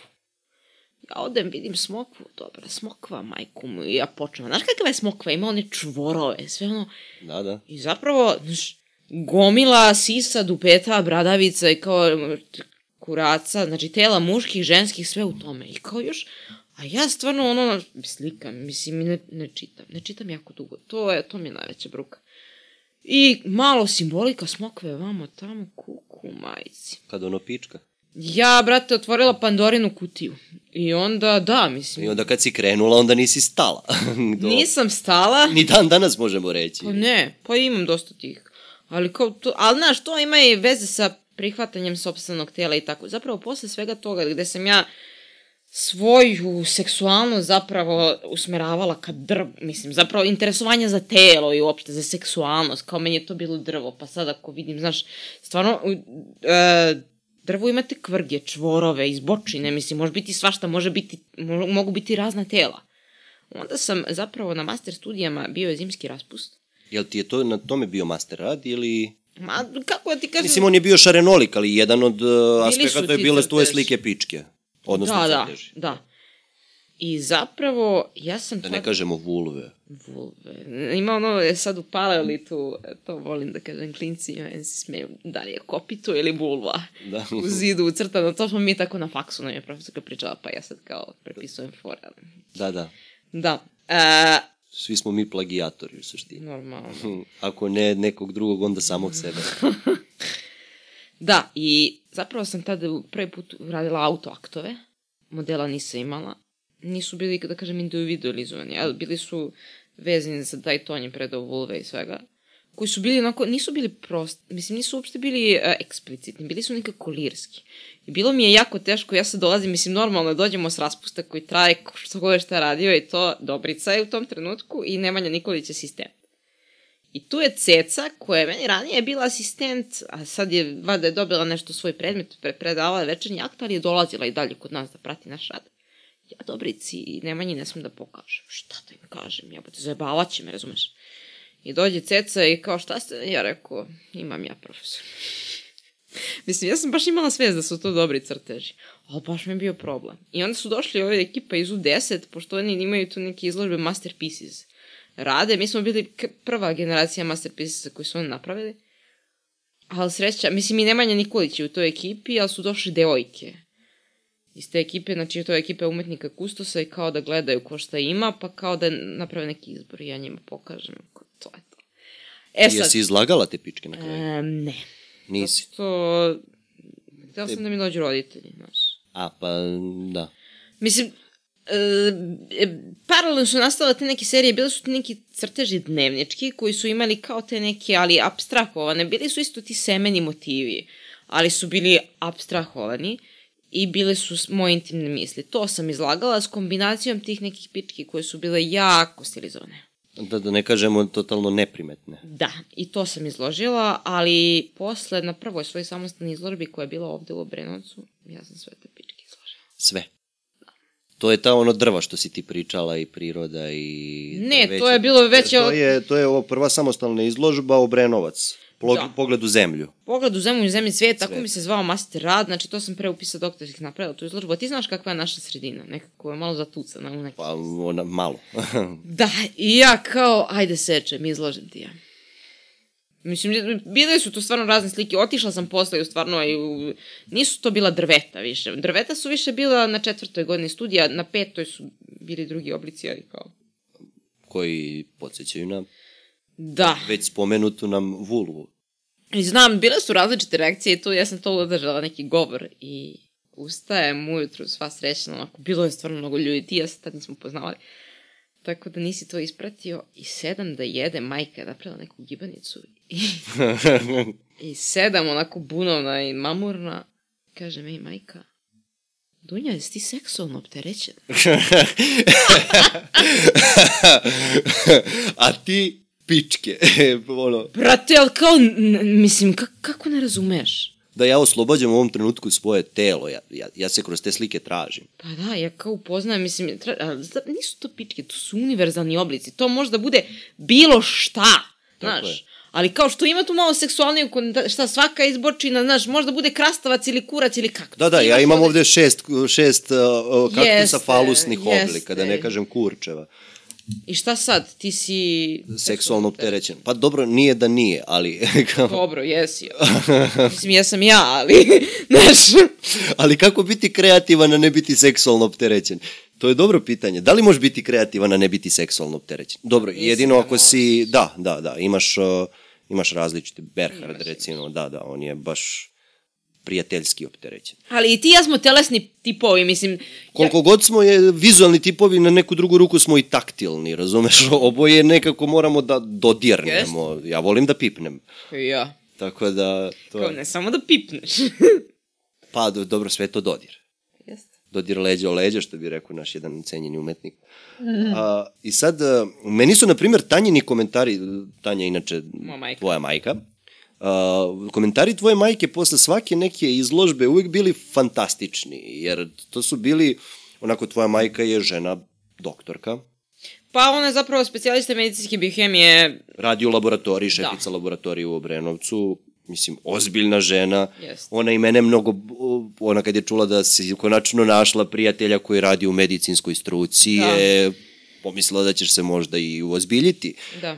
Ali onda je u jednom trenutku, ja mislim, se čak i razočarala jer je shvatila da se družiš sa jednom budalom neartikulisanom koja apsolutno nema nikakvu nikakvu kontrolu baš zbog toga je, kako se zove jer se bavi tim poslom. Ali to je na primjer zanimljiva stvar jer e, na primjer kada mene vide koji ludujem i koji glumim budalu negde u Ne glumiš. dobro, da, koji sam budala negde, uh, u određenom, kroz moj posao, pošto ja radim u jedinici intenzivne nege na kardio, kardiohirurgiji, uh, oni meni dođu i kažu, ma dobro, njemu treba izduvni ventil. Da, da, neko mu je crko sad. Da, da, i on mora da se isprazni, mm. on reguliše svoju psihu. A tebe gledaju kao lokalno mazalo, razumeš, koja je kao slikarka i onda ode i sa mnom, blentavimo se isto, ako ja ne i više od tebe, i ti si onda spadalo. Mm. Lokalno. A ja kao, a, dobro, a on se kao prazni, njemu to treba, znaš. A u suštini je to samo način funkcionisanja, neka autent, mislim, neki moj način ispoljavanja sobstvene ličnosti. Tako da, ali tanjini komentari su mi uvek bili jako zanimljivi iz te neke perspektive uh, na tvoje na tvoje rado. Znaš kako, malo je prestala. Prestala da je komentariše, mislim da sve više prihvata, ali neke stvari su njoj jako teško padale. Znaš, ti kao, tipa, zar mora da bude te boje, recimo boja previše asocijativna, i šta? Da, na, na, na, naslikaš krastavac roze boje, recimo. da, Banalan primjer. Da, da. Ali eto, sve manje ulazi u atelje i eto. Da. Došli se ptice, četiri ptice. Odlična odbrana. Priznaje si to namerno uradila. Pa nisam, a, nego bilo je pitanje da li da mi seru po sobi ili po ateljeu. Ili po slikama, bolje, Bolje po slikama. kad ti već po svojim slikama sama sereš, tako da... E, Dobro, i ti si imala tu prvu samostalnu izložbu. Što izložbu. si rakiju sklonio, to me zanima. Hoćeš još rakije? Pa da, i to je e, rakija naše drage prijateljice Vesne Orahovača. Orahovača baj, Orahovača baj Vecil. Vecilija, koja je inače moja nasnica likovnog iz osnovne škole i sad jedna od omiljenih prijateljica. Ček, ček, ček, Ajde. ček. Opa. O, Jao, jao, jao, ovo je bilo, ovo je Dobro, bilo. dobro. O, pa ovo, ovo će mi doneti sreću, a? Hoće sigurno. Čekaj da izvadim ono što sam spremio. Imaš i onu Trulex. Yes. Čekaj, čekaj. Ajde. Ovo je sad zabava. Kad ja brišem sto od Orahovače... Dobro. Posle ćemo to... O, dobro, to... Opa, Le, istina. Vrati sad ovaj. Čekaj bre da, ga- da ga obrišem. Greota da se baci. Ajde, ajde, bit će para, bit će kopačaka. Ah. Dobro, ovako ću da ti mikrofon ne... E, pa mogu staviti kako hoćeš. A vidi ovo. Ja, šta piše tu? A ovo ti je, a nećemo da reklamiramo. Da. A ovo ti je, ovo su ti maramice kao za sve površine i onda kao bris, briskam sa ovim Pa sve. dobro, pita ih da ti sponzorišu šta. Mamo ću kao o, podcast o kulturi i oni meni sponzorišu maramice. A, da imam kantu. Jovuka. Šta imaš još ispod? E, znači, dobro, majku si sklonila iz... Čekaj, živeli. Živjeli, brate. Ajde, dobro mi došla. Poli te našla, hvala na pozivu. Evo, i drugi put. E, kako se zove? A, Neka. Ovo je sad o, jedan jako zabavan deo koji ćemo ostaviti svakako, da ljudi Naravno. vide s kim imaju posla u suštini.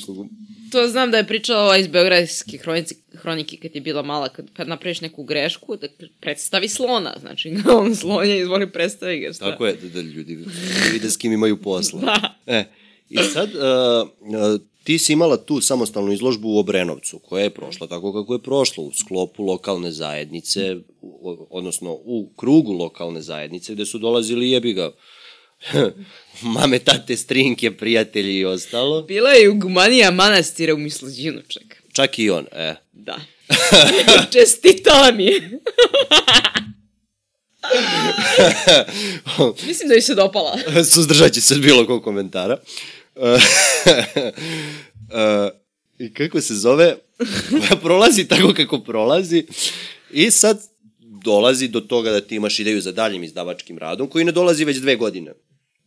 Da. Dobijaš poziv za blog galeriju i dom omladine u dve, tri nedelje, ja mislim da su ti stigle Kao zapravo, da, da sam primljena. primljena. Znači, informacija o tvom prijemu za izlaganje samostalnog u trajanju od dve nedelje u obe galerije ti je stiglo u, roku od dve, tri nedelje. Da. Da se sećam, ja mislim da ti prvo stigo dom omladine, Jeste, pa pa ti onda blog. stigla blog galerija, gde ono za blog galeriju euforija bila, a pa dobro. Čak sam ja spavala, Sara me zvala da mi kaže, ono, da. da. Uh, I ti u suštini kreće izlagačka karijera. Ti si dobila u suštini uh, obe te uh, uh, izložbe na temu gde, uh, Prestajem gde, ja, gde gde prestajem ja, gde počinješ ti. Šta bi nam rekla o tome?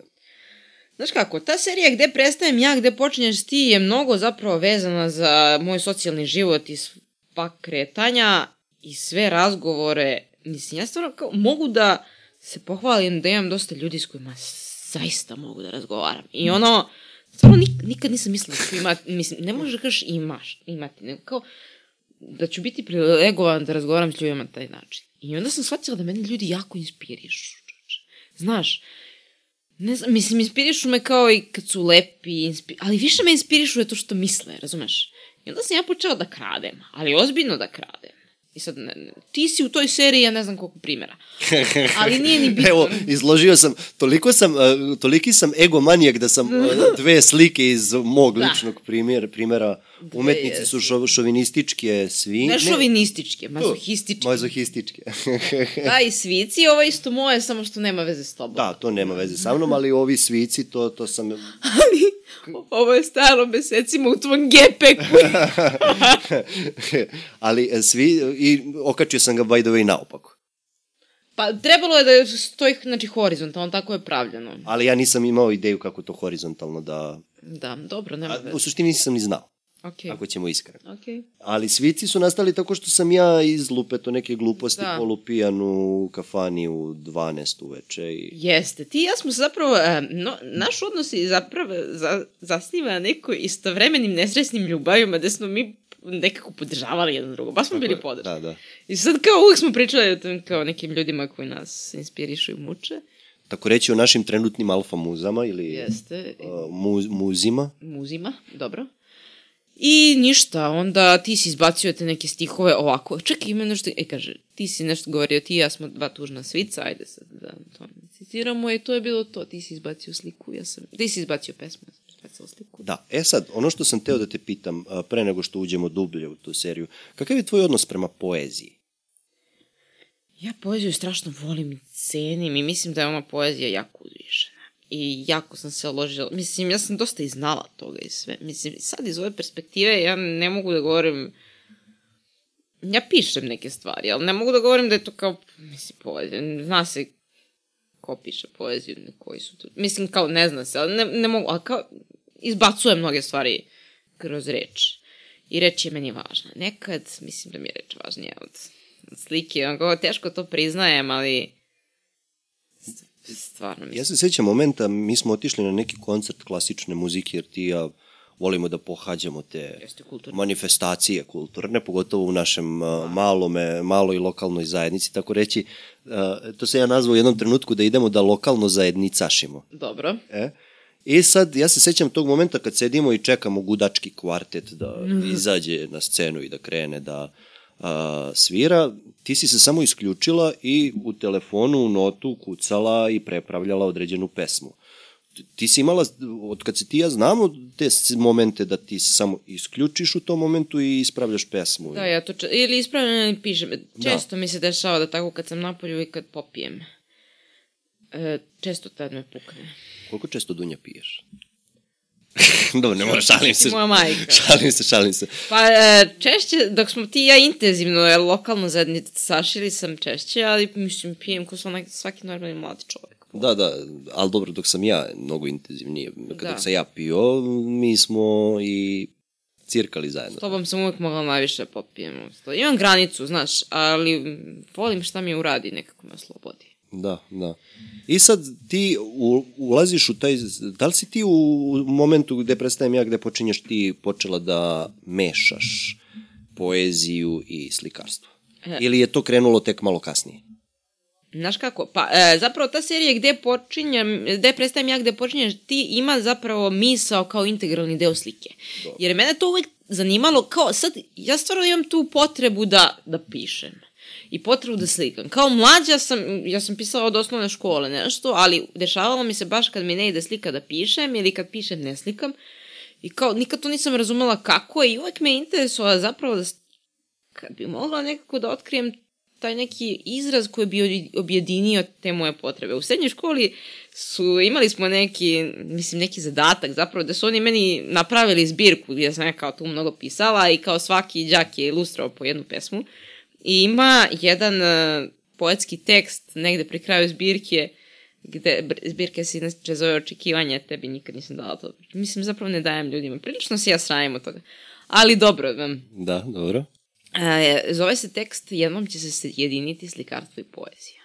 Ja zapravo ulazim u tu svoju izlagačku karijeru e, i kao ono što mene zanima jeste da sjedinim sadržinu i formu slike. Znaš, moja sadržina slike, zapravo ja imam naraciju tu. Da, da sjediniš literalni i, likovni rad koji su generalno totalno razjedinjeni. Pa razjedin, da, kao izražajna forma, ali znaš, ja ne slikam sad čašu da, mislim, ja mo, može da mi bude motiv, ali dugo mi jako nije motiv čaša kao čaša, pa ja sad da istražujem likovni jezik kao takav. Iako mislim stvarno da je to uzvišeno i da je divno, ali ja imam tu naraciju i ne, ne mogu da bežim od toga.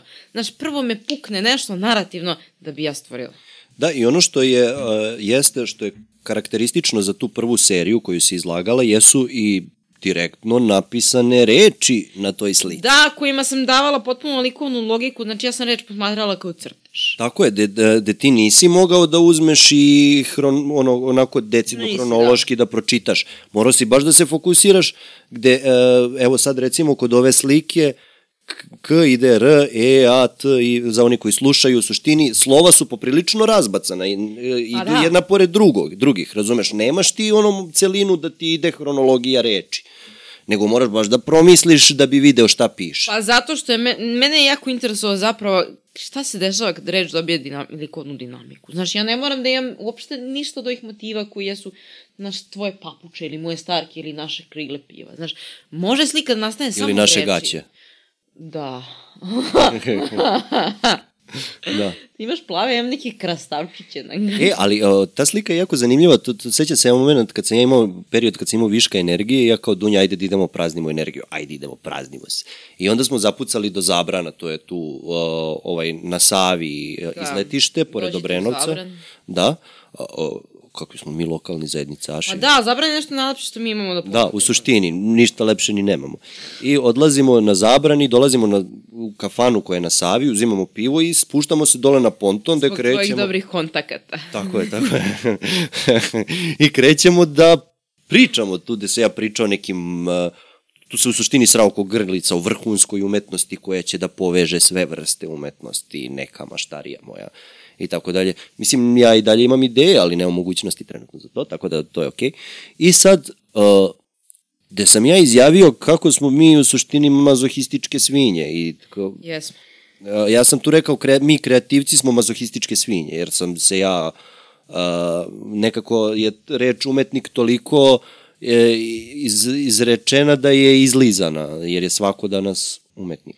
A dobro, ne mislim ja da je svaki umetnik, ali baš zato Ali, je ali baš zato što je, zato što je toliko izrečeno je postalo i besmisleno. Znaš, to ti kao reč ljubav koja je toliko puta rečena da je postala besmislena. Dobro, umetnik jeste zanimanje, ali dobro, Nebitno, je... nije ni važno, nećemo sad na to da se nadovezujemo. I sad, znaš, ono, ja to izgovaram i ti krećeš da se smeješ i to zapisuješ i onda deset dana kasnije nastaje slika. I ti si to radila za celokupnu seriju da, svojih radova. Da. Da. ti u određenom momentu spontanog razvo, razgovora samo ili se zamisliš ili se zaceniš od smeha ili ne znam nije i samo te nema u tom trenutku, psihički nisi prisutna, otkucaš i nastaviš razgovor najregularnije Jeste. i 7-10 mesec dana kasnije mi dobijemo sliku.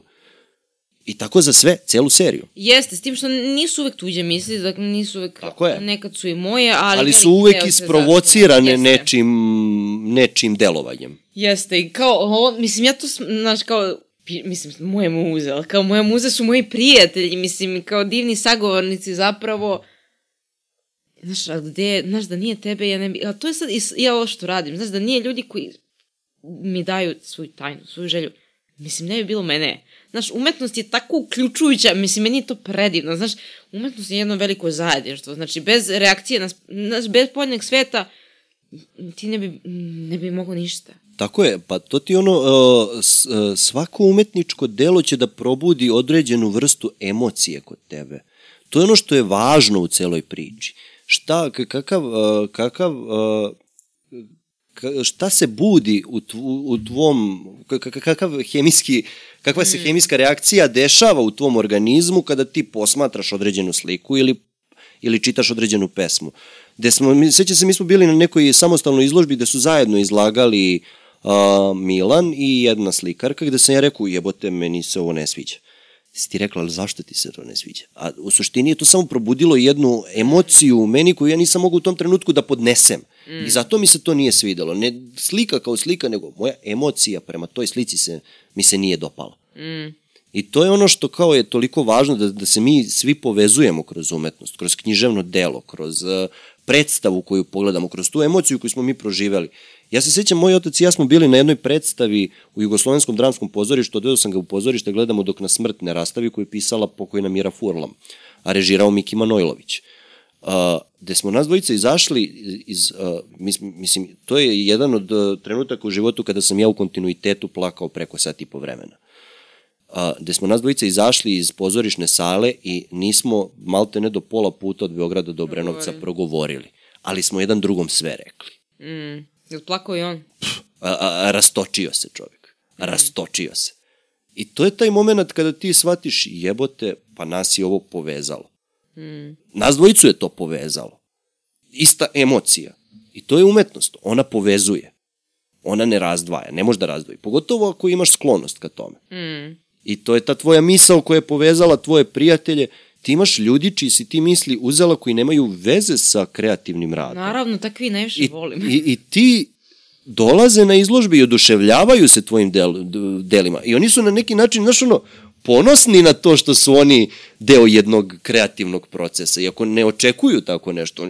Tačno vidiš Naravno. ponos, razumeš, kod njih, pogotovo ako sa tom osobom staneš pored njihove slike i vidiš kako se oni razdragano onako ponašaju tu. Ja prvi, ja sam obožavao, obožavao kad se moja slika nađe na, neko, na nekoj izložbi. I sad e, ti imaš u Domu omladine a, dve identične, i, odnosno dve slične izložbe. E, Da, e, s tim što ja sam tu nešto paralelno, baš sam počela drugu seriju, tu sam, ali zapravo nastalo je mnogo novih za dom omladine, razrađenije je bilo dosta. Jesi hteo da dovršiš pitanje? Ili... Ne, ne, ne, samo nastavi, da, da. E, ali je u domu omladine sam uvela nešto drugo. Bilo je, već sam uvela posteljine. Posteljine sam koristila kao nosač slike. Zapravo, hvala tvojoj majici što mi nabavlja posteljine po A. povoljnim cenama. Njih bi mogao da reklamiram. da. Ga- Gagule, obrenovac, Gaći gagu. gaće.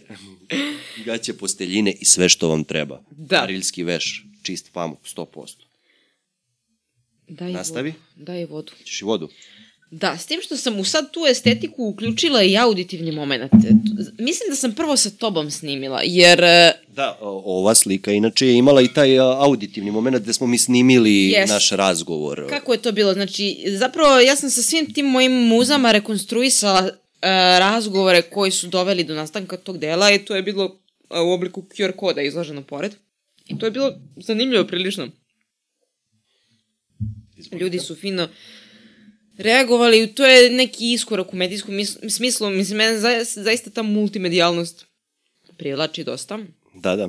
Tako da bilo je fino i to tamo. I sećam se ono što je bilo specifično za taj dom omladine jeste da si ti kao posluženje imala kiselo mleko. Da, ja sam veliki fan kiselog mleka, naročito ako kisele moje majka i otac su nekog domaćeg mleka, ali oni naprave to nekako bude tako glatko pod jezikom, čoče. Mislim, a, ljudi imaju predrasude da se na izložbama mnogo pije, što jeste istina. u suštini, mislim, ali pije samo određena grupa. Ja znam da se to u internim krugovima slikara zovu takozvani ljubitelji umetnosti. Da, ljubitelji umetnosti su zapravo ljudi koji dolaze da bi popili, znaš. Tako je. Da, dolaze na besplatan alkohol. Da. Da. se sećam da je naša drugarica Marija Čolić, koja isto je, imamo ovde njenu sliku, a, koja je kad je imala tu samostalnu izložbu, gde su bili tu grupica samostalnih, do, do tih ljubitelja umetnosti i cirkala je, je bi ga rakiju. Razumeš, ona je ne iznala neku rakiju i popili su svu rakiju, drugi, toliko da drugi gosti nisu mogli da dođu do nje. I sad sećam se da njen muž priča priču kako on stoji ispred uh, galerije i puši cigaretu i izlaze trojica tih uh, ljubitelja umetnosti i dolazi četvrti. Oni se sad već međusobno poznaju jer imaju iskustva i oni kao, šta ima na izložbi? I sad odgovara jedan od njih, nešto na staklu, ali ostali samo sokići. Da. Gde su oni ljudi popili sav alkohol i ništa, idemo dalje, idemo da konzumiramo sledeću, Naravno, naravno. sledeću rakiju za sledeće izložbe. Tako da, ti si imala kao posluženje naravno za alkohol i to kiselo mleko kome sam se ja izrazito obradovao, jer je to nešto što je autentično. Kao što rekoh, to je ono, ti, ja volim kiselo mleko, ja hoću da poslužim Prijete kiselo mleko. Ja volim sok od jagode, ja ću da poslužim sok od jagode. I to je ono što dobijaš ti taj autentični moment na toj izložbi. Meni je to fantastično. Celokupna ta izložba je bila autentična. Ono što se sad desilo kod ove jeste da si taj literalni deo malo smanjila. Odnosno da si kompozicijski ubacila u te slike mnogo više uh, reći, re- likovnog dela, a da si te uh, uh, literalne delove smanjila. Evo, koji ti konkretno pričaš? Posle, u sledećoj... U, u sledeću, domu omladine. Aha, da, da nije, nisi imala recimo celokupnu rečenicu, nego Da, da, da, ključni jeste, deo jeste, rečenice. jeste. Da nisi imala celokupnu misao, nego samo jednu reč ili jedan aspekt tog razgovora, ali si onda ubacila audio deo Da. koji ti donosi celokupan moment tog razgovora, da kad neko snimi, dobija celokupni Jest. doživljaj tog razgovora i vidi sliku. Dobro si to primetio, ja uopšte nisam ni razmišljala o tome. kao, ti, ti si došao do zaključka do kog ja kao umetnik nisam došla. Pa, e, e, meni se desilo samo u nekom trenutku da mi je bilo muka od reči. Nekako, ne znam da ti se to nekad dešava, ali kao kad nekako... Ne, ja sam osoba koja nikad nije mukao od reči, kao što možeš i vidjeti. Ne gušiš. Zato sam i otvorio podcast da mogu da pričam. A da mi niko ne zabrani to. Eto, ne znam, nekad mi reči tako stoje tu. I onda mi se to desilo, onda sam potpuno izbacila reči iz likovne kompozicije u sledećoj, ali da, dobro si primetio to minimalizovanje potpuno. Konkre da kažem, celokupne misli. I kako si zadovoljna sa te svoje prve dve izložbe? Kakav je bio, tako reći, odziv? Ja se sećam te tvoje prve izložbe u blog galeriji gde je došla enormna količina ljudi. Sad, od kad smo ti i ja počeli da se družimo, nismo malo intenzivnije krenuli. Da, ja, odnosno, ja sam intenzivnije krenuo da se krećem po izložbama. Da, da.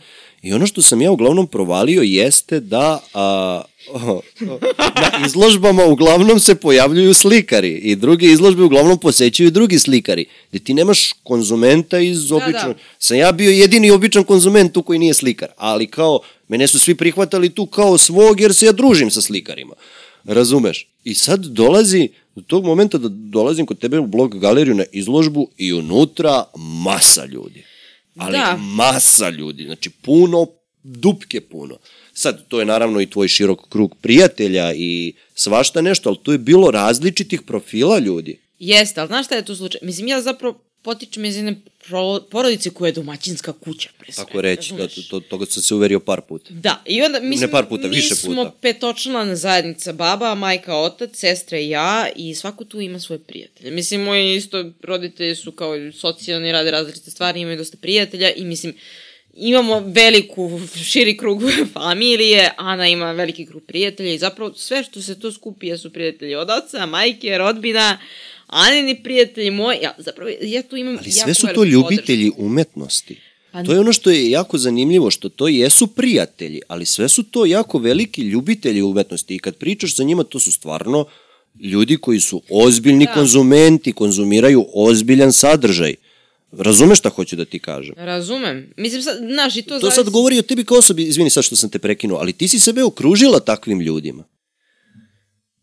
Pa dobro, mislim, ja svojim ljudima smatram tu vas, znaš.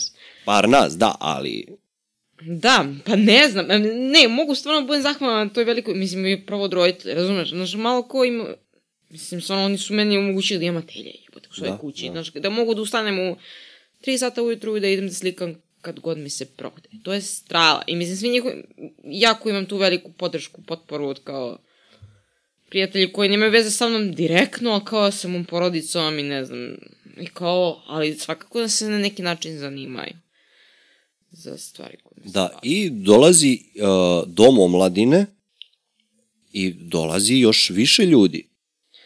Ali, mislim, dobro, dom omladine kao dom omladine imaš veći marketinški Jeste, jeste. odziv, imaš veću, bolju reklamu, uh, dolaze više poznatijih ljudi u tim sferama kao likovni kritičari. Jo je bre, ovaj Uroš Đurić. Da, ovaj, iz- mi nismo anđeli. Da, ja njega nisam videla, nego su mi... Ko mi je rekao, si ti njega? Sara, Sara je rekla. Sara je inače naša prijateljica i koleginica. da, i takođe slikarka. Da. A, I sad a, dolazi a, još više ljudi, sad jebi ga, veći je prostor bio, pa je tu izgledalo manje, ali toliko je ljudi prošlo i to je toliko bilo ispraćeno. Ali meni je to ono što je bilo fascinantno. Konačno dolazi do okupljanja ljudi koji nisu samo slikari. Da, ovde, u domu omladine, ok, blok je bilo, čini mi se, intimnije. Ovde su došli stvarno neki ljudi koji nemaju nikakve veze sa mnom, znaš. Tako je, ali kao... To je super. I to je ono što je, ja mislim, poenta Pa toga. da. Nije jebeš umetnost gde dolazi da, da gleda to, mislim, jebeš predstavu koju će da gleda samo glumac i reditelj. Naravno. Znači, treba da dođe i doktor, i automehaničar, i znači, ni jednu profesiju ne, ne ni podaštavam. Svako treba to da... Naravno. I svako ko ima osjećaj za to je fenomenalna osoba. Razumeš? To je jedna, mislim, širimo ljubav, ali stvarno to je jedna onako osoba sa, sa razvijenim uh, načinom razmišljanja.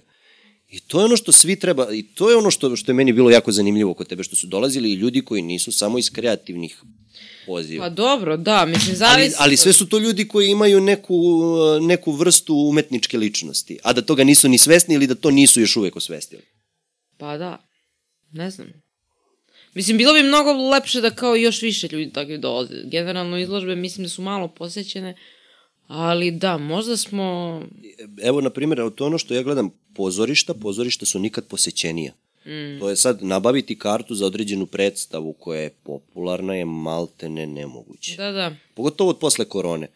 Ali ja, na primjer, ne znam ni za jednog drugog slikara, osim recimo za Lalića ili tako nekog gde je izložba bila toliko posećena. Pa dobro, ima tih, da kažem, umetnika zvezda koje su stvarno ono i da, veliki verovatno radnici. da ih ja ne poznajem sad. Da. Ne znam šta ti kažem. Ali to je ono, slikarstvo je nekako stavljeno na neku, ne mogu kažem marginu, ali totalni underground i ako ti imaš uh, te galerije koje stvarno nisu underground. Dom omladine nije underground. Dom omladine bi trebalo da bude neki, ne mainstream, ali nešto što je kvalitetno. Da. Mislim, sviđa, super mi je zapravo ta politika nekih galerija, baš, mislim, dom omladi, naravno mladi, ali kao zapravo za ta lica koje su, ne znam, mislim, tako, Tako je neafirmisana, da ti faktički kroz tu izložbu ulaziš u umetnički svet. ma da. I to je tako ohrabrujuće, bre, joj, kao, meni je to mnogo značilo. Da, i to, to je onaj taj moj moment Luka, vidjet ćeš jednog dana, ja ću živeti od slikarstva. Ali ja to stvarno duboko verujem. Mislim, okej, ja sad radim stvarno razne stvari. Radim u toj prosveti, znači 70 nešto hiljada. Tome, živim s mojima još, jer kao, mislim, nemam od čega da živim sama. Mislim, nemam te uslove. S druge strane, radim te neke različite stvari, projekte, radionice, to imam kao neki kint strane s vremena na vreme. Ali stvarno verujem da ću živim od slikarstva. Mislim da neću. I mislim da ću sad ovako, kao, mislim da će ta prosveta proći. I stvarno sam, verujem bre u to. Mora, mora tako da bude. Pa, to je ono, ali a, nije samo stvar u, u, uverenja u to, nego i tvog rada. Zato to je onaj moment, idem da radim, kao pa šta radiš Dunja, idem da slikam. Kao, kako je to pitanje? Pa da, mislim, to je kao, mene đaci nešto zezaju tako, šta ćete, kako, idem da radim. Mislim, ja sam zapravo tu školu toliko ne smatram kao da je moj posao. Mislim, moj posao je ono što dolazi posle. A, znači. no, ne jeste tvoj posao, ali nije tvoj poziv. Da, nije poziv. E, onda dolazi do jedne treće samostalne izložbe. Da, kad Odnosno, se grad. Da. Ti si dobila, d- ti si paralelno sa ovom serijom gde počinjem, e, gde prestajem ja, gde počinjem ti ili preimenovano za dom omladine kada sam ti ukrala ko- komad, sam ukrala kada sam ukra, ukrala komad disanja. disanja, što je, ja mislim, i više nego jasna analogija. Da. A, posle ovog celokupnog razgovora, a, dolazi moment da ti dobijaš izložbu u KC gradu, koji je a, alternativni jedno jako zanimljivo alternativno mesto gde se dešavaju različiti kulturni događaji, Da. kvalitetni kulturni događaji, kao što su promocije knjiga, kao što su jako kvalitetne izložbe, svašta se tu dešava. I ti dobijaš a, mesto da mesto izdavačko mesto i tu. Kako si Izlagačko, da. Iz, E, izlagačko. Pazi, to je isto mesto na koje sam ja par... Iz, izdavačko. Da, spominje me moj izdavač. Da. Ha, ha, ha. Da. Ne, ne spominjem. Par puta sam konkurisala na to mesto, isto nisam bila primljena. Uh, opet sam na času. I ne znam, nešto je pred kraj kao toliko da ono, deca su se nešto hoće da idu kući, ja uzimam telefon i opet me Sara zove i kao, jebote, dobila si kad se grad, razumeš? Ja tu počnem da vrištim. To je bilo neverovatno. Znači, a to mi je, možda mi je to ono, baš jedno od dražih um, iskustava Da, zapravo taj e, za apliciranje na to mestu je potrebno da pišeš i motiva, ne motivacijalno pismo, nego zapravo koncept rada i biografiju na engleskom. A ja sam jako slaba sa engleskim. e, reći ćemo. Da, i radim s jednom ženom koja je fenomenalna. Najbolji profesor na lokalnom nivou i šire, znači e, ako učite engleski zovite Tijano Jovičić. Ja već neko vreme radim s njom, ali sam debil za jezike, a i nije samo da sam debil, mislim, mogla bi ja to kao da, ako budem radila vrednije, ali stvarno mnogo imam posla, mnogo bre. Ali Tijana je neverovatna, tako ti nađe neku crtu i to. A, može da priča o svemu i svačemu i super je, ono, radim s njom već duže vreme na svom engleskom, jer imam ambicije, a te ambicije ne mogu da ostvarim bez znanja, znanja jezika. I nekoliko puta mi se dešavalo, zapravo je to bilo prvi put kad sam ja Tijanu Tijana, pomozi mi. Mislim, ideja je zapravo, ja učim engleski zbog svoje karijere, jel? Da. Ja sam imala, znači, tekst na srpskom, a ti znaš kako ja pišem, znači, imam te neke uvijanja koje su onako, ne znam, čudne su mi te rečenične konstrukcije. Znači, prvo sam napisala... Koje su maltene neprevodive. Da, i posle sam se naučila da odmah sad kao, da bukvalno kao razmišljam na engleskom i da pišem tako, bez obzira koliko mi je mali fond reči i sve, ali kao da bolje je tako, Da. nego da pišem na srpskom pa da prevodim. Ja kad sam s njom do, kod nje došla sa ta dva teksta, znači mi smo to radili bukvalno dva da, mislim, Da. to je trajalo. Ona mi je pomogla oko toga da kao to izgleda... Jer ti u prevodu moraš da nađeš uh, određeni sinonim za tu reč ako ta reč ne postoji, a da taj tekst ima smisla. Da, ali ona meni kaže ti, ja, ja, ja ne razumem, ti što si htjela na srpskom da kažeš, a kao ona je žena jezika i stvarno je fanatik, ko što sam ja za slikanje, takav je Tijana fanatik za jezike. Da, da. Ali, kao, teško je, razumeš. I ja sam u fazonu, pošto zapravo ta serija, žao mi je da bacim Jorgan od pocebanog oblaka, ima neku dr drugu vrstu, da kažem, tela. Ima pesmu i sliku. Znači, uglavnom je svaka slika imala svoju pesmu, da kažem pesmu. Usudit ću se da kažem pesmu. Da, da. I zapravo tu sam pravila neku formu kao diptiha, da slika ne postoji bez pesme i pesma ne postoji bez slike. I onda kao motivi koje... Ali to je opet ono rad koji si imala između izlaganja u Domu omladine i blok galerije. Ti si Yes. tu seriju pokušavala da izlažeš u Domu galerije, Nisu ali ti nisu dozvolili, jer si jebi ga dobila za ovo, pa si onda konstruisala celokupnu novu seriju, što je još fantastičnije. Za dva meseca si ti naslikala celokupnu Jesam, novu seriju jesam. za izlaganje u Domu omladine. Dosta sam toga, da, I izbacila. ti si tu radila krvavo, koliko ja mogu da se setim, znači to je bilo katastrofa. I, ali ti si pre toga imala seriju koja je krenula da te vozi i Da, i morala sam uplovila. prekinem. A, mislim, bilo mi je to, ali nisam mogla sebi da dozvolim da ponovim sve, znaš. Ali imala sam još nešto da kažem, znaš, ostalo nedorečenog. I onda je samo počela kulja. Bukvalno, pa, više od Da, ta- izložbe je bilo novog. Ta je, e, baš ta, a, a, ta izložba je bila poveznica Mhm. između tvog poetskog rada i tvog likovnog rada. I zapravo je super što mi Dom omladine nije dao da izložim ovo. Jer si ti dobila celokupnu, celokupan prostor gde si se samo ti tome posvetila. Pa da. Ono što je meni bilo, kao htjela sam to kad se grada konkurišem, ali prevodili smo Tijana i ja to, krvavo smo se namučile. Bila sam u fazonu, brate, neću, zato što, mislim, pesme ja nisam mogla da prevodim, to niko to neće. I jebote, ja dobijem. I tu, to je bilo baš super. Da, sećam se. Sećam se one tvoje slike, a, kako se zovu, a, za strahove. Kako se zove slika? Da, plava je, e, čega se plašimo Dadoša. Da. I bukvalno sam išla, ja sam zapravo imala taj neki... Uh, ja, mislim, jako me interesuje ta tema intimnosti i svega toga i uzela sam da nabrajam svoje strahove po azbučnom redu. Koji su fantastični, si ti u suštini jedna ho- hodajuća, hodajući strah. Hodajući anksioznost. Da, da. Da, i u nekom trenutku bila sam sa drugaricom od Tiljevom, mi smo isto radile i onda su došli kao mm, članovi porodice njene i moje. I već je tu meni bilo previše, nisam mogla da učestvujem u to vrsti razgovora, znaš već kako su to ljubazni razgovori, da. I kao gledam nju, nije ni njoj prijatno, ali kao mora da, mislim jer je starija od mene. Ona to podnosi. Da, i ja kao slika, mislim, gledam, a čega se ona plaši? A čega se ona plaši? I onda samo mi različiti ljudi prvo kao meni bliski, a čega se ti plaši? Čega se ona plaši? I onda sam zapravo uključila, uh, samo sam postavila ljudima to pitanje čega se plašiš od Adoša i ljudi su mi davali odgovore koji su bili fascinantni i nevjerojatni, neki su mi davali usmeno neku pismenu, u formi četa. I onda sam kao, da kažem, reakciju na taj rad imala tu neku instalaciju gde smo Da si napravila od drveta mobilne telefone. Da, kao bukvalno u toj proporciji sve i onda sam svojim nije mi bila ideja da kao podražavam mobilni telefon, nego čisto kao simbolički da bude Da, asocijacija i onda sam sve vaše strahove svih mojih bliskih ljudi, naravno koje nisam imenovala, ali izložila kao da, i to je bilo super. Volim taj rad. Odlično. I kako si se osjećala posle te izložbe, gde si imala do, dosta dobrih komentara posle toga. Jesam. E, čini mi se, da, e, zapravo su oni imali najveći marketing. I on u domu, u ovaj, kad se gradu jako dobro radi na toj promociji i sve to, došlo i kao, znaš, ovde nisam imala neku medijsku propraćenost, ovde je bilo.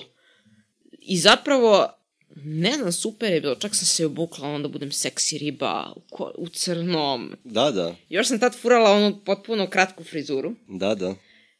E, i tad sam prvi put zamolila nekog da me profes, profesionalno našminka, zapravo moju bivšu učenicu koja je nevratan talent, ali je luda ko zmaj i obožavam je Dunja Radulović. I nju preporučujem za dame koje žele da se šminka. Mi se dogovorimo kao da ona me šminka, ali nešto nam se nisu poklapali rasporedi. Znači ja nju taj predajem u dizajnerskoj. E, I ona nešto tipa ima časove do četiri. A ja kao otvaranje mi je ono u sedam i kao ne znam kad moram da budem spremna. E, ti kad si nastavnik, imaš izlagačku karijeru, imaš pravo da uzmeš slobodan dan za izložbu. I kako ćemo, ajde, kažem, ne mogu, rekla sam tamo Dunjinoj razrednoj da bez Dunje ne mogu, kao da ona mora nešto važno da mi pomogne i tako Dunja, ja sam se šminka.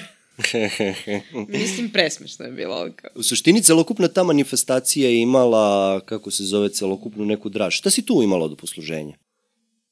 Joj, rakije je bilo, e, znaš šta je bilo? Bilo je nekih kiflica i štapića, tad je bilo da, i... Da, ono što zmeje se babe, pa... Da, imam ja jednu strinu, moju prvu komšinicu zapravo, koja je isto važna osoba. Sad, ja zapravo sad slikam nešto bez duže vreme posvećeno njoj. Mi nju zovemo Čik. Dobro. Uh, Ana je ja, moja sestra, mlađa, mm, koja je kao da je starija. Ali Čik I je... fizički i mentalno, odmah da naglasimo. Više od tebe za glavu. Da. I sposobnija praktično od mene za ne znam koliko. Ali dobro, to nije tema. A, tema je trenutno Čik, koja je zapravo, znači prva komšinica iz Trina, koja je jako s decom tako nekako bliska uvijek bila kad smo mi bili male, ona tako tepa ljudima, znaš ono Miki i tako. I ne znam kako smo Ana i ja izvele taj nadimak Čik mi klik za nju. Čik mi klik. Čik mi klik, da, to je Čik. A zapravo Čik je nama trenutno jako važna osoba, ta baba, mislim moja baba, treći roditelj s kojim živim i to. Moja baba je trenutno u problematičnoj jako situaciji, bole od određenih, bo- određenih bolesti koji onemogućavaju kretanje i tako dalje. A mi svi radimo, kao imamo različite poslove i baš smo usmereni svo naš četvori majka i otac Jana i ja na poslove. Baba je sama, mislim, dom staraca u našoj Nije porodici opcija. nije opcija, znaš. I Čik je zapravo jedna nevjerojatna figura žena koja ima i sama skoro 70 godina i određene probleme, ali kakvu tu snagu ženu ima. Znači, nevjerojatna snaga.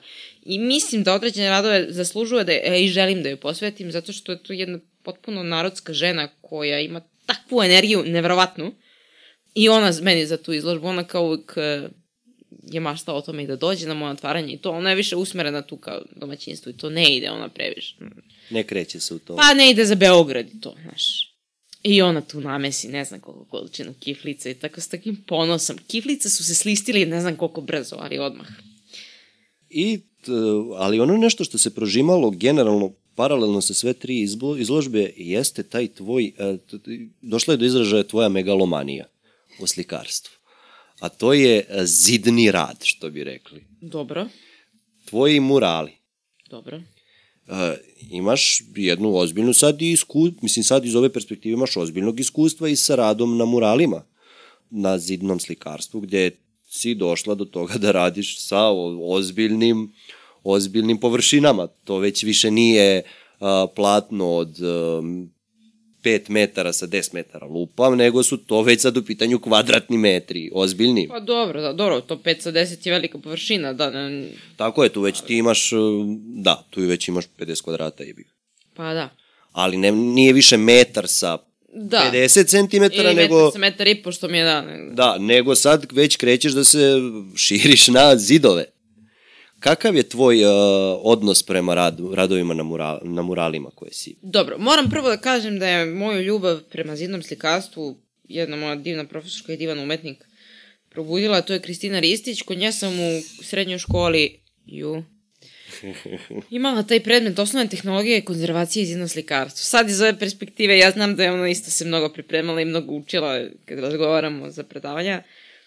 Ali neverovatna energija i neverovatna vrsta pedagoške posvećenosti kod nje je bila i ona me zapravo približila i mozaiku i moralu kao zidnim tehnikama. Ono što mogu da kažem za mural je da tu, mislim, ok, ja trenutno radim na platnima koji jesu veća i ko, kao, ja, moram da se popnem da bi dohvatila neke stvari, i tako, ali uslovljena sam i tim prostorom, moja telja je prilično nizak, nije, nije kao neka velika, znaš, mogla bi ja da se širim više, ali mural potpuno drugačiju telesnu akciju zahteva, znaš, ti kao da plešeš. Znaš, kad radiš m, na nekom intimističkom formatu, ti nekako radiš iz lakta, radiš iz globa. Kad radiš mural, bre, radiš iz celog tela, radiš iz utrobe. Mene to jako loži. Jako me lože visine, da se penjem tamo na skeli. Da, znaš.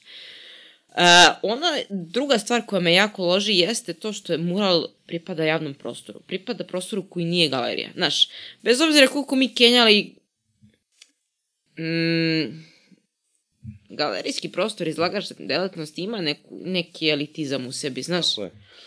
A ulična umetnost nasuprot tome Totalni underground. da i pripada, mislim, bukvalno pripada svima.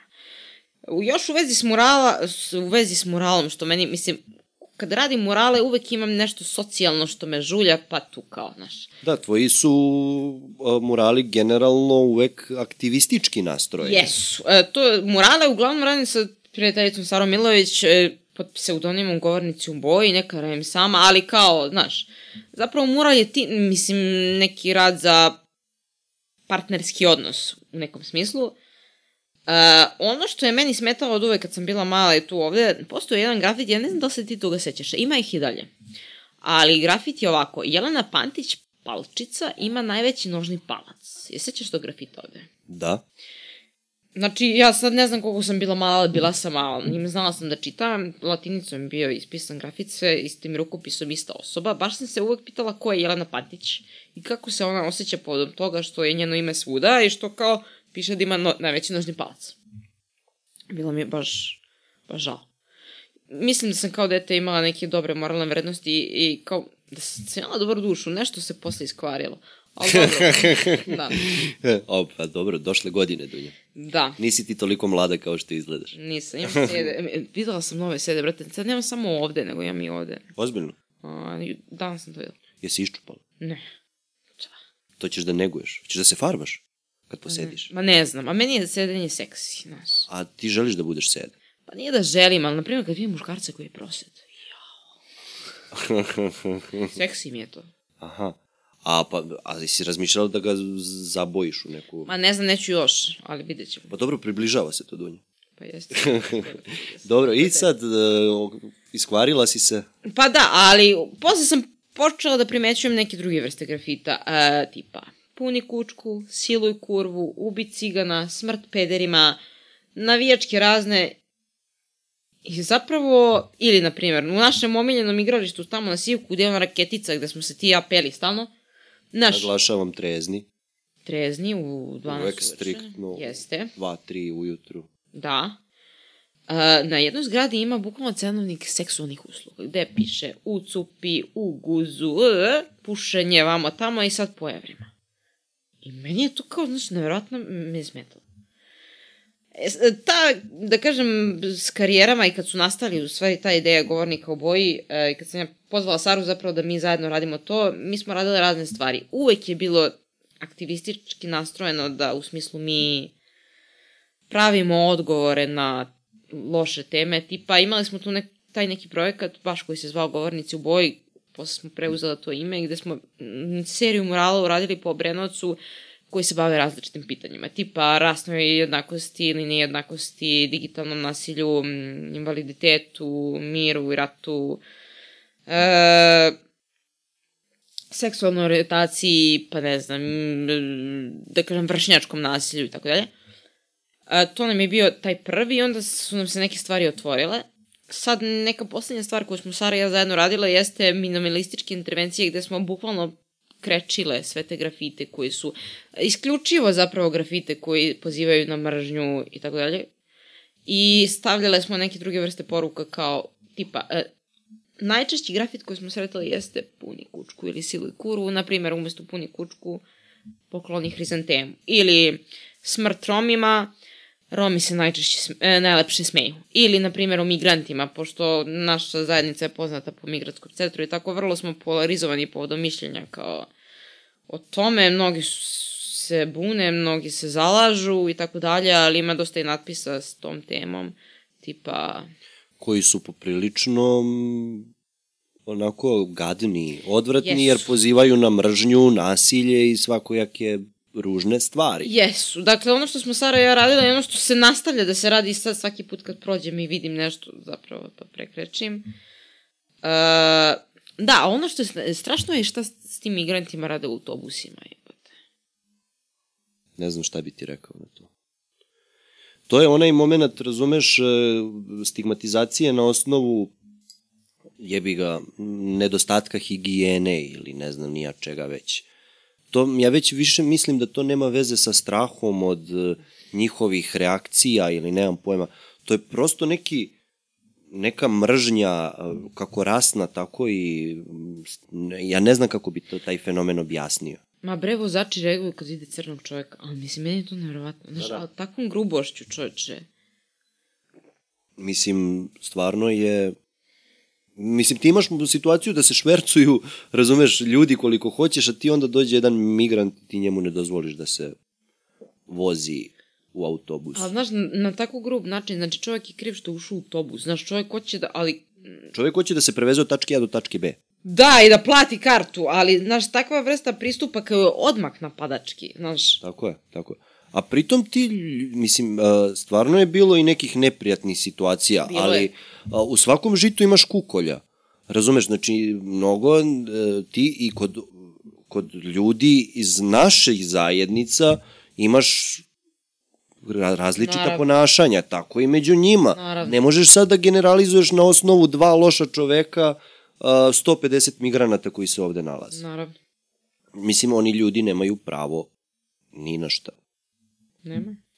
A, I ti si se u suštini bavila tim aktivističkim radom u smislu prekreč, e, pre, kad vidiš neki grafit koji ima određenu roš, lošu poruku, određen poziv na uh, da li snošaj, da li na nasilje ili bilo šta drugo, uh, da ga prekrečiš i izmeniš sa nekom poetičnom lepom porukicom. Da, mislim, ne samo tim, ali između ostalog, mislim, to mi je kao glavni motiv da kao budu zapravo socijalno osvećeni na neki način. Nekad kad su kao to monumentalni murali, kao nije tako jasna čitljivost. Pa da, ti si imala i onu seriju kad ste radile ti i Sara 10 murala pa ovde to, po Brenovcu. Pa to da ste imali tu seriju da ste radili murale koji nisu bili sad krečenje striktno određeno, nego ste na određenu temu, određeni fenomen komentarisali. Da, ali uvek se radi o socijalnom fenomenu. Nešto je meni s tom ulicom jako interesantno. Sad sam imala i radionicu s klincima. Da, to je fantastično. Tvoj rad e, galerijski, nazvaćemo ga tako, je nije toliko angažovan u tom nekom smislu, socijalnom, koliko je neka vrsta psihičkog zdravlja, sobstvenog odnosa sa ljudima, dok ti kad izađeš na ulicu da radiš je poprilično socijalno angažovano. Jeste, ali e, ima i u ovom intimističkom delu slikarstva neka vrta, mislim... Pa mislim, umetnost sama b, po sebi je uvek angažovana. Jeste. Ali mi je zanimljivo, prosto i sad u ovom doktorskom projektu, to sam je prijavila uh, sam prijavljivala tezu, zanimljivo mi je da se bavim zapravo o razlici o, u odnosu između, da kažem, galerijskog, to jest kao izlagačkog prostora i ulice. Ova poslednja serija koju radim, nisam je nigde izbacivala, osim na, društvo, mislim, na Instagram, to su saobraćeni znakovi, vrlo je angažovana zapravo, mislim, nije samo to, kao ima i, dosta se govori o emociju i svemu svačemu, ali to je zapravo serija koju ću direktno želim da izložim i na ulicu i u galeriju pa prosto da posmatram taj odnos, da kažem kako se rad menja u odnosu na prostor u kome je, da funkcija da, prostora. Da. Dobro, e, još nešto što se paralelno, mislim, kod tebe je jako teško uhvatiti hronologiju, jer ti mnogo stvari radiš paralelno. Mnogo. E, I onda paralelno je dolazio i taj performativni deo, a, gde si se bavila određenim videoradovima, određenim, imala si čak i u galeriji U10. Jes, u umetničkom prostoru U10. Svoj performans koji je isto, isto imen kao i izložba u, u, u KC gradu. Da. A, gde, ka, šta misliš ti o performansu kao o, o načinu izražavanja? Jer a, misliš da je performans dosta kod nas a, podložan a, nekoj vrsti predrasude i osuđivanja? Pa ne znam, mislim, nije, nije mi to ni važno da li je podod ili ne. Mislim, kao, jeste, kad sam imala taj performans, nisam zvala ljude, recimo, zvala sam najbliže, nisam... Da, nekako se to prožima kroz uh, neke umetnike koji su delovali uh, kroz performans i onda su ljudi vezali to za generalno performativnu Znaš kako, performativna umetnost je zapravo umetnost koja spaja ono način življenja sa kao stvar... Mislim, kao, ne postoji granica između života i stvaralaštva da. uopšte. I zahteva kao mnogo često prisustvo umetnika, telesno angažovano i prisustvo publike. I znaš, dešava se kao odmah i sada. To je negde granica između prostora i vremena, kao nešto što objedinjuje. Naš slikarstvo je umetnost koja je prostorna. Ona kao kroz vreme, naš, nezavisno od vremena, on može da se percipira. Performans postoji za, u zavisnosti i od prostora i od vremena. To je zapravo sve to o čemu mi pričamo, meni je performans kao jako blizak. I ta telesna akcija i to uključivanje i drugih ljudi, to je meni izrazito interesantno. Možda sam prvi put e, počela u tom nekom performativnom smislu da razmišljam. Na jednom predmetu. Smo imali skulpturu u prošilnom prostoru kod Olivere Parlić, ona je vajarka, mene skulptura kao skulptura nimalo ne zanima, znači uopšte ne razmišljam o tom smislu, ali je bio predmet koji je išao dalje od toga i pravila sam jedan performans koji, zapravo sam napravila jedan predmet koji se zvao glavočetka. Napravila sam ga tako što sam na kapu stavila dva džogera i obojila sam ga u određenu boju, nebitno da to izgleda kao kompaktan oblik i stavila sam na glavu. A stavila sam na glavu tako da mi pokriva, znači, ceo i lice, sve. Znači, I, i nategla sam jedan veliki papir, velikog formata, stavila ga na štafela i ideja je bila da ja zapravo glavočetka koja će biti na, neće biti četka, nego ću ja svojim, te, četka će biti... Sve. Na moj glavi, znaš, taj blake da ću ja zapravo telom da slikam. Kako sam to radila u skladu sa svojim horoskopskim znakom, znači bukvalno nisam ništa, da, nisam ništa videla i samo u tu činju sam uma, umočila glavu i nasrtala sam na to platno. I u skladu sa tvojim karakterom i tvojim infantilnošću, tako reći. Da, i to je bio jedan zanimljiv događaj. Uh, ali de, mislim, to je na neki način potpuno gesto, zapravo akcijno slikarstvo, slikarstvo tela, znaš, koje ima jako veze s performansom. To je onaj trenutak zapravo kad Yves Klein uh, pravi, zapravo sjedinja, sjedinjuje modela i platno tako što on ne, ne posmatra modela pa ga slika, nego bukvalno model postaje integralni deo slike tako što postaje otisak. Znači, model direktno učestvuje u slici. Tako, tako sam je. ja kao žela da kao bukvalno ja nemam sad ček, četku koja je posrednik između mog tela i mene, nego da je moje telo četka. I mislim da sam tu otvorila neka važna pitanja performansa, posle mi je bilo malo teže da se kao ohrabrim u tom smislu. Taj rad s tikovima je bio sledeći koji je imao performativni moment s tim što je znači, bio kao video instalacija zapravo krajnji produkt. I taj prvi performans zapravo živi koji sam ja realizovala jeste bio sad u maju u umetničkom prostoru u 10, baš na njihov rođendan, ali bio usled sve ove mm, loše situacije koje se desilo u obrazovnom sistemu, tako da, ali zapravo intimizam tog performansa je negde... Možeš li da objasniš otprilike kako je taj performans izgledao? Da, uh, postoji taj Jorg, uh, Jorgan, mislim, ta moja izložba, ta moja serija se ne zove Džabe, žao, žao mi je da bacim Jorgan pocepanog oblaka. Jorgan pocepanog oblaka je jedan predmet iz moje radne prošlosti, mislim, ko ono, radnog detinstva, koji sam dobila na poklon od babe. Uh, koji je sad jedan jako odrpan predmet i to pre, ali predmet koji je još uvijek aktualno upotrebi. Ali jako je u vezi s tom nekom mojom maštarijom gdje ja kad ne mogu da se smirim, ne mogu da se uspavam, zamišljam da spavam na oblaku, znaš. A taj, nekako je dekorisan taj predmet bukvalno kao oblak, ima to neko, neko treperenje, nekako kao da je sprejem, nekako urađene te, nekako poentilistički su te neke tačkice i jako je meko. I Zapravo to se sad nadovezuje, mm, sledeća moja serija, serija na kojoj sad radim jeste Krevet za samca. Krevet smatram baš kao intimističkim prostorom e, u koje se dešava idejno začeće. Ja često sanjam, evo, noća sam zapravo sanjala jedan rad koji ću realizovati. Često sanjam mm, ono što treba da uradim i poslušam uvek to. Često u tom trenutku san, sna prespavanja dobijem različite ideje i to je zapravo moj najsrećniji deo dana, gde sam sama sa sobom i kao, ja sam mnogo godina sama, samkinja, kako se to kaže, mislim, Tako samica. Ceo život. da, znaš, ja zapravo krevet ne delim s ljudima. Kao de, mislim, mogu, ali kao ne znam ni da li mogu i ne znam ni da li bi mi bilo baš prijatno. I ne znaš da li je to taj tvoj krevet kada ga podeliš sa nekim, da li je to taj tvoj prostor. Da, mislim, vola bi da dođem u situaciju da podelim krevet, ali s nekim s kojim mogu da stvorim baš kao bliskost, ali nije isto, mm, znaš, ne znam da ću ikada doći do toga, to sve kao te ideje bliskosti, ali možda kad završim tu izložbu pa možda se nešto promeni. Ali to je zapravo taj krevet za samca i jorgan, e, ono što sam ja uradila na tom performansu, da sagovornici sad nisu bili u smislu ja nacrtam šta smo mi razgovarali. Ne, sagovornike sam primala zapravo taj svoj krevet za samca, koji nije više krevet za samca, nego je krevet za dvoje. Ali sad tvoj moj razgovor se ne dešava u kafani, na polju, na reci, ne znam gde, nego se dešava u krevetu. Da, u krevetu. Koje je ono moje najintimnije mesto. E sad, ideja je bila da bukvalno ljudi koji dolaze mi pričaju čemu god žele. Kao da imamo prosto neku živu I da, konverzaciju. da urade šta god žele. Pa dobro, da, ali nije bila Nije ideja... naravno bila ideja da tu dolazi do nekih uh, uh, jebi ga ružnih stvari, nego Naravno. prosto ako želi da ti ostavi poruku na ruci, da te zagrli, Da, da, da. te po, mislim, razumeš, nije se svodilo samo na beskontaktni razgovor. Naravno, e, i nije imalo erotsku komponentu. Tako je, tako je, bez- Bilo je da, onako, da. čista gape. Tako je, tako je, uh, onako, da, pa dobro, Ali da, bilo je stvarno ljudi koji su zaista mi pričali neke svoje intimne stvari. Kao, Da, toga se sećam da je došla i legla neka devojka koja je ležala u krevetu bar jedno 25 20 minuta. Jeste. Te ste vi vodili poprilično žuz, žustar razgovor, tako reći, polemiku, šta god da je to bilo. Naravno, ja sam tebe posle toga pitao o čemu ste vi razgovarali i ti si rekla to će ostati tajno.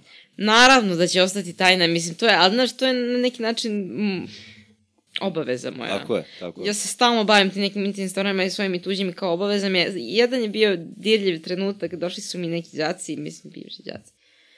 Tad već je bilo nešto kraj godine i to i jedna bivša učenica mi je zapravo rekla u tom krevetu kako, zahvalila mi se na tom mom radu s njima i kao re, rekla mi je da da su zapravo možda zavolili istoriju umetnosti uopšte kroz rad, rad sa mnom. Znaš koliko mi je to bilo važno? Da. I baš sam, baš sam im zahvalna. Zapravo, đaci mnogo prate ono što radim. Baš ih zanima. A to se može videti. Pa verovatno zato što si jedan mlad umetnik sli, približa njihovim godinama Da. i onda mogu u suštini da se opa, da se kao da zvrcnemo svaki put kad smo udarili stalak oboje, kad smo napravili neki šum. Da. Da kupim jedno zvonce za to. A, tako da oni su, mogu da se poistovete sa tobom na neki način, odnosno Mogu. da se, da, da nađe neku sličnost, jer ti kad imaš osobu koja ima karijeru dugačku koliko i recimo ti godina, ako ne i duplo ve, dužu, ti imaš, ne, nemaš moment dodirne tačke da možeš da se poistovetiš sa tom osobom. Ali mislim, mi imamo slične potrebe, jebote, znaš, i ja sam još uvek kao tinejdžerka. Pa dobro, da, ali to je zato što si ti infantilan. moj problem. Tako je. Ali to, to nije problem možda. Možda i nije. Da. I sad, u suštini, posle tog performansa, uh, ti si imala jednu izložbu u jednom totalno underground prostoru. Da, to mi je bilo zapravo sad u trenutku kad mi ovo govorimo, to još traje, uskoro treba pokupim radove. A, to je prva izložba na koju me neko zvao. Da kao, znaš, ja imam samostalnu izložbu u prostoru u Meduzi, u kafiću koji je takođe izložen prostor. Gde se Znači, nalazi Meduza? Meduza, gospodar Jevremova 6, ja mislim, idite, super je mesto. Zdravka iz Meduze me pozvala jer je videla moju izložbu u KC gradu, čula je za mene od Judmila i kao, njoj je to bilo super. Ja sam prvo bila malo onako, kao nisam... Skeptična. Pa da, kao nisam razmišljala. Ali kao, jebote, mene je neko zvao. Mislim, super. I ono što je meni fantastično jeste naziv te uh, izložbe, a to je Utopija zemlja koje nema, Utopija tamo gde, gde te vodim ja. Da, da, zemlja koja nema utopija, tamo gdje te vodim, zapravo preko isto jednog druga prijatelja, vrlo drage osobe, ja sam zavolala Zoster. I Zoster mi je super, ono Banana State mi je super i ta utopija mi je omiljena Da, njihova da, pesma. ka- kakav imaš odnos prema Zosteru kada već ovako razgovaramo, pošto sam ja osoba koja takođe jako ceni i poštuje rad uh, Zostera. Da, ti si mi zapravo prvo pokazao Zoster, ali kao sa Acom sam išla na te neki kon koncert i posle na novom MMF-u. Mislim, super mi je, neke pesme sam kao odmah baš to ukačila. Utopija, odmah sam se na to primila. Da, da, Utopija je jedna pesma koja je onako univerzalna i koja te baš zavoza kada krene, da ima taj neki polu regije obris koji te onako... Pa da, ja i sama to poruku, znaš, ali baš mi se sviđa to jer kao, znaš, onda je tu previše za, kao, a gledaj mene, a vidi mene, znaš, Da. kao, znaš, sebično je jako, znaš, Tako je, ja sam u pravu, ja znam. Da. da, kao, znaš, ne postoji ništa, a s druge strane govori kao o idealnom mestu. I mislim, to idealno mesto je jako povezano de, sa detinstvom. Imam ja dosta tih motiva koje, koje su zapravo, to što govoriš o mojoj infantilnosti, jesam i kao stalno, i često slikam te neke lutkice. da, to, i ona serija koju si ti radila koja je bila poprilično onako neuspešna je Kindergarten kad se setim. Neuspešna, da, s tim što bih volila da je razradi. Mislim... Uh... Ne, to što je ona u tom trenutku bila neuspešna ne mora znači da će takva i ostati, razumeš? Da, ali... kindergarten, hoću da tu neku traumu iz obdaništa razradim, ali prosto nije našla svoj trenutak. Sad imam i neku seriju erotike, to isto moram da se vratim na to. Da. Ali ti si, no, mislim, ono, kao sa ovako nečim bi možda i zaključio ovaj razgovor. Ti si osoba koja u suštini u kon, kontinuiranom uh, kontinuiranom kreativnom procesu. Normalno. Ti konstantno razmišljaš o kreaciji, ti konstantno kreiraš. Ti, uh, tvoje ideje, ja se sećam, kad si donela more kući, pa si imala ideju da podeliš more svojim prijateljima. Da, i onda ko prvi umre mora, mislim... Čuvar mora, je... mislim, stvarno je bilo različiti stvari, jer ti, tebi je svako bivstvovanje na određenoj teritoriji, onda kad smo bili u Banja Luci nastala je slika plavo uh, jedan deo. Jel, banj... Ko je plavo? Podsjeti me šta uh, Plavo, e, nebitno, nije, ne mogu ni da se setim. Da, plavo mi je isto važna simbolika, da... Da, bilo je svačega tu, baš ono, uh, svaki razgovor je za tebe neka vrsta uh, nadražaja uh, pa kreativnog. I ti u suštini sve ono što vidiš, ti slikaš. Sve što osetiš, ti slikaš. Sve što voliš, ti slikaš. Pa da. Kako se osjećaš ti ovako po tom pitanju? Što slik, pa mislim, to mi treba jebote. Kažem ti, mislim, povodom toga sam jedino sigurna. Znaš, mislim, okay, sumnjam u kvalitet svog, kao nek, kad nešto loše, dobro ure, ali ja znam da je to moja lična istina i kao, tako se osjećam. Ne, znaš, mnogo puta ne znam šta volim, ne znam šta me privlači, ali znam da moram da slikam i kao to je, mislim, super je kada znam to. Da, i to, to je ono što je kao, ovo je sve neki period od dve, tri godine koji sam ja nabrojao, ovo, kad se ti i ja intenzivno onako družimo, gde ti imaš konstantan, kreativan, kreativnu potrebu. Pa da. Razumeš, i naš svako viđanje se svodi na to. Evo sad eh, razrađuješ ove saobraćajne znakove koji se dešavaju na tvojoj društvenoj mreži.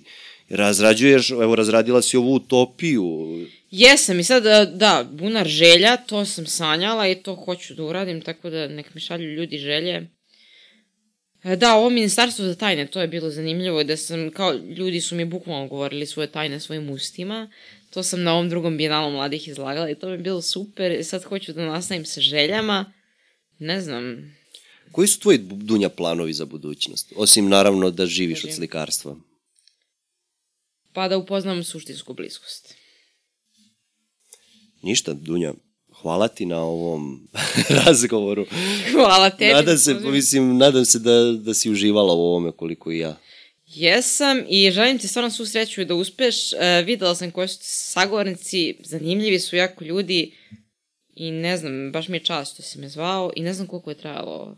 Ne znam, nija saznaćem. Ništa, Dunja, ajde. Ajde, idemo u kafanu. Ajde, idemo sad, šta da ti kažem, idemo dalje. ajde. んー!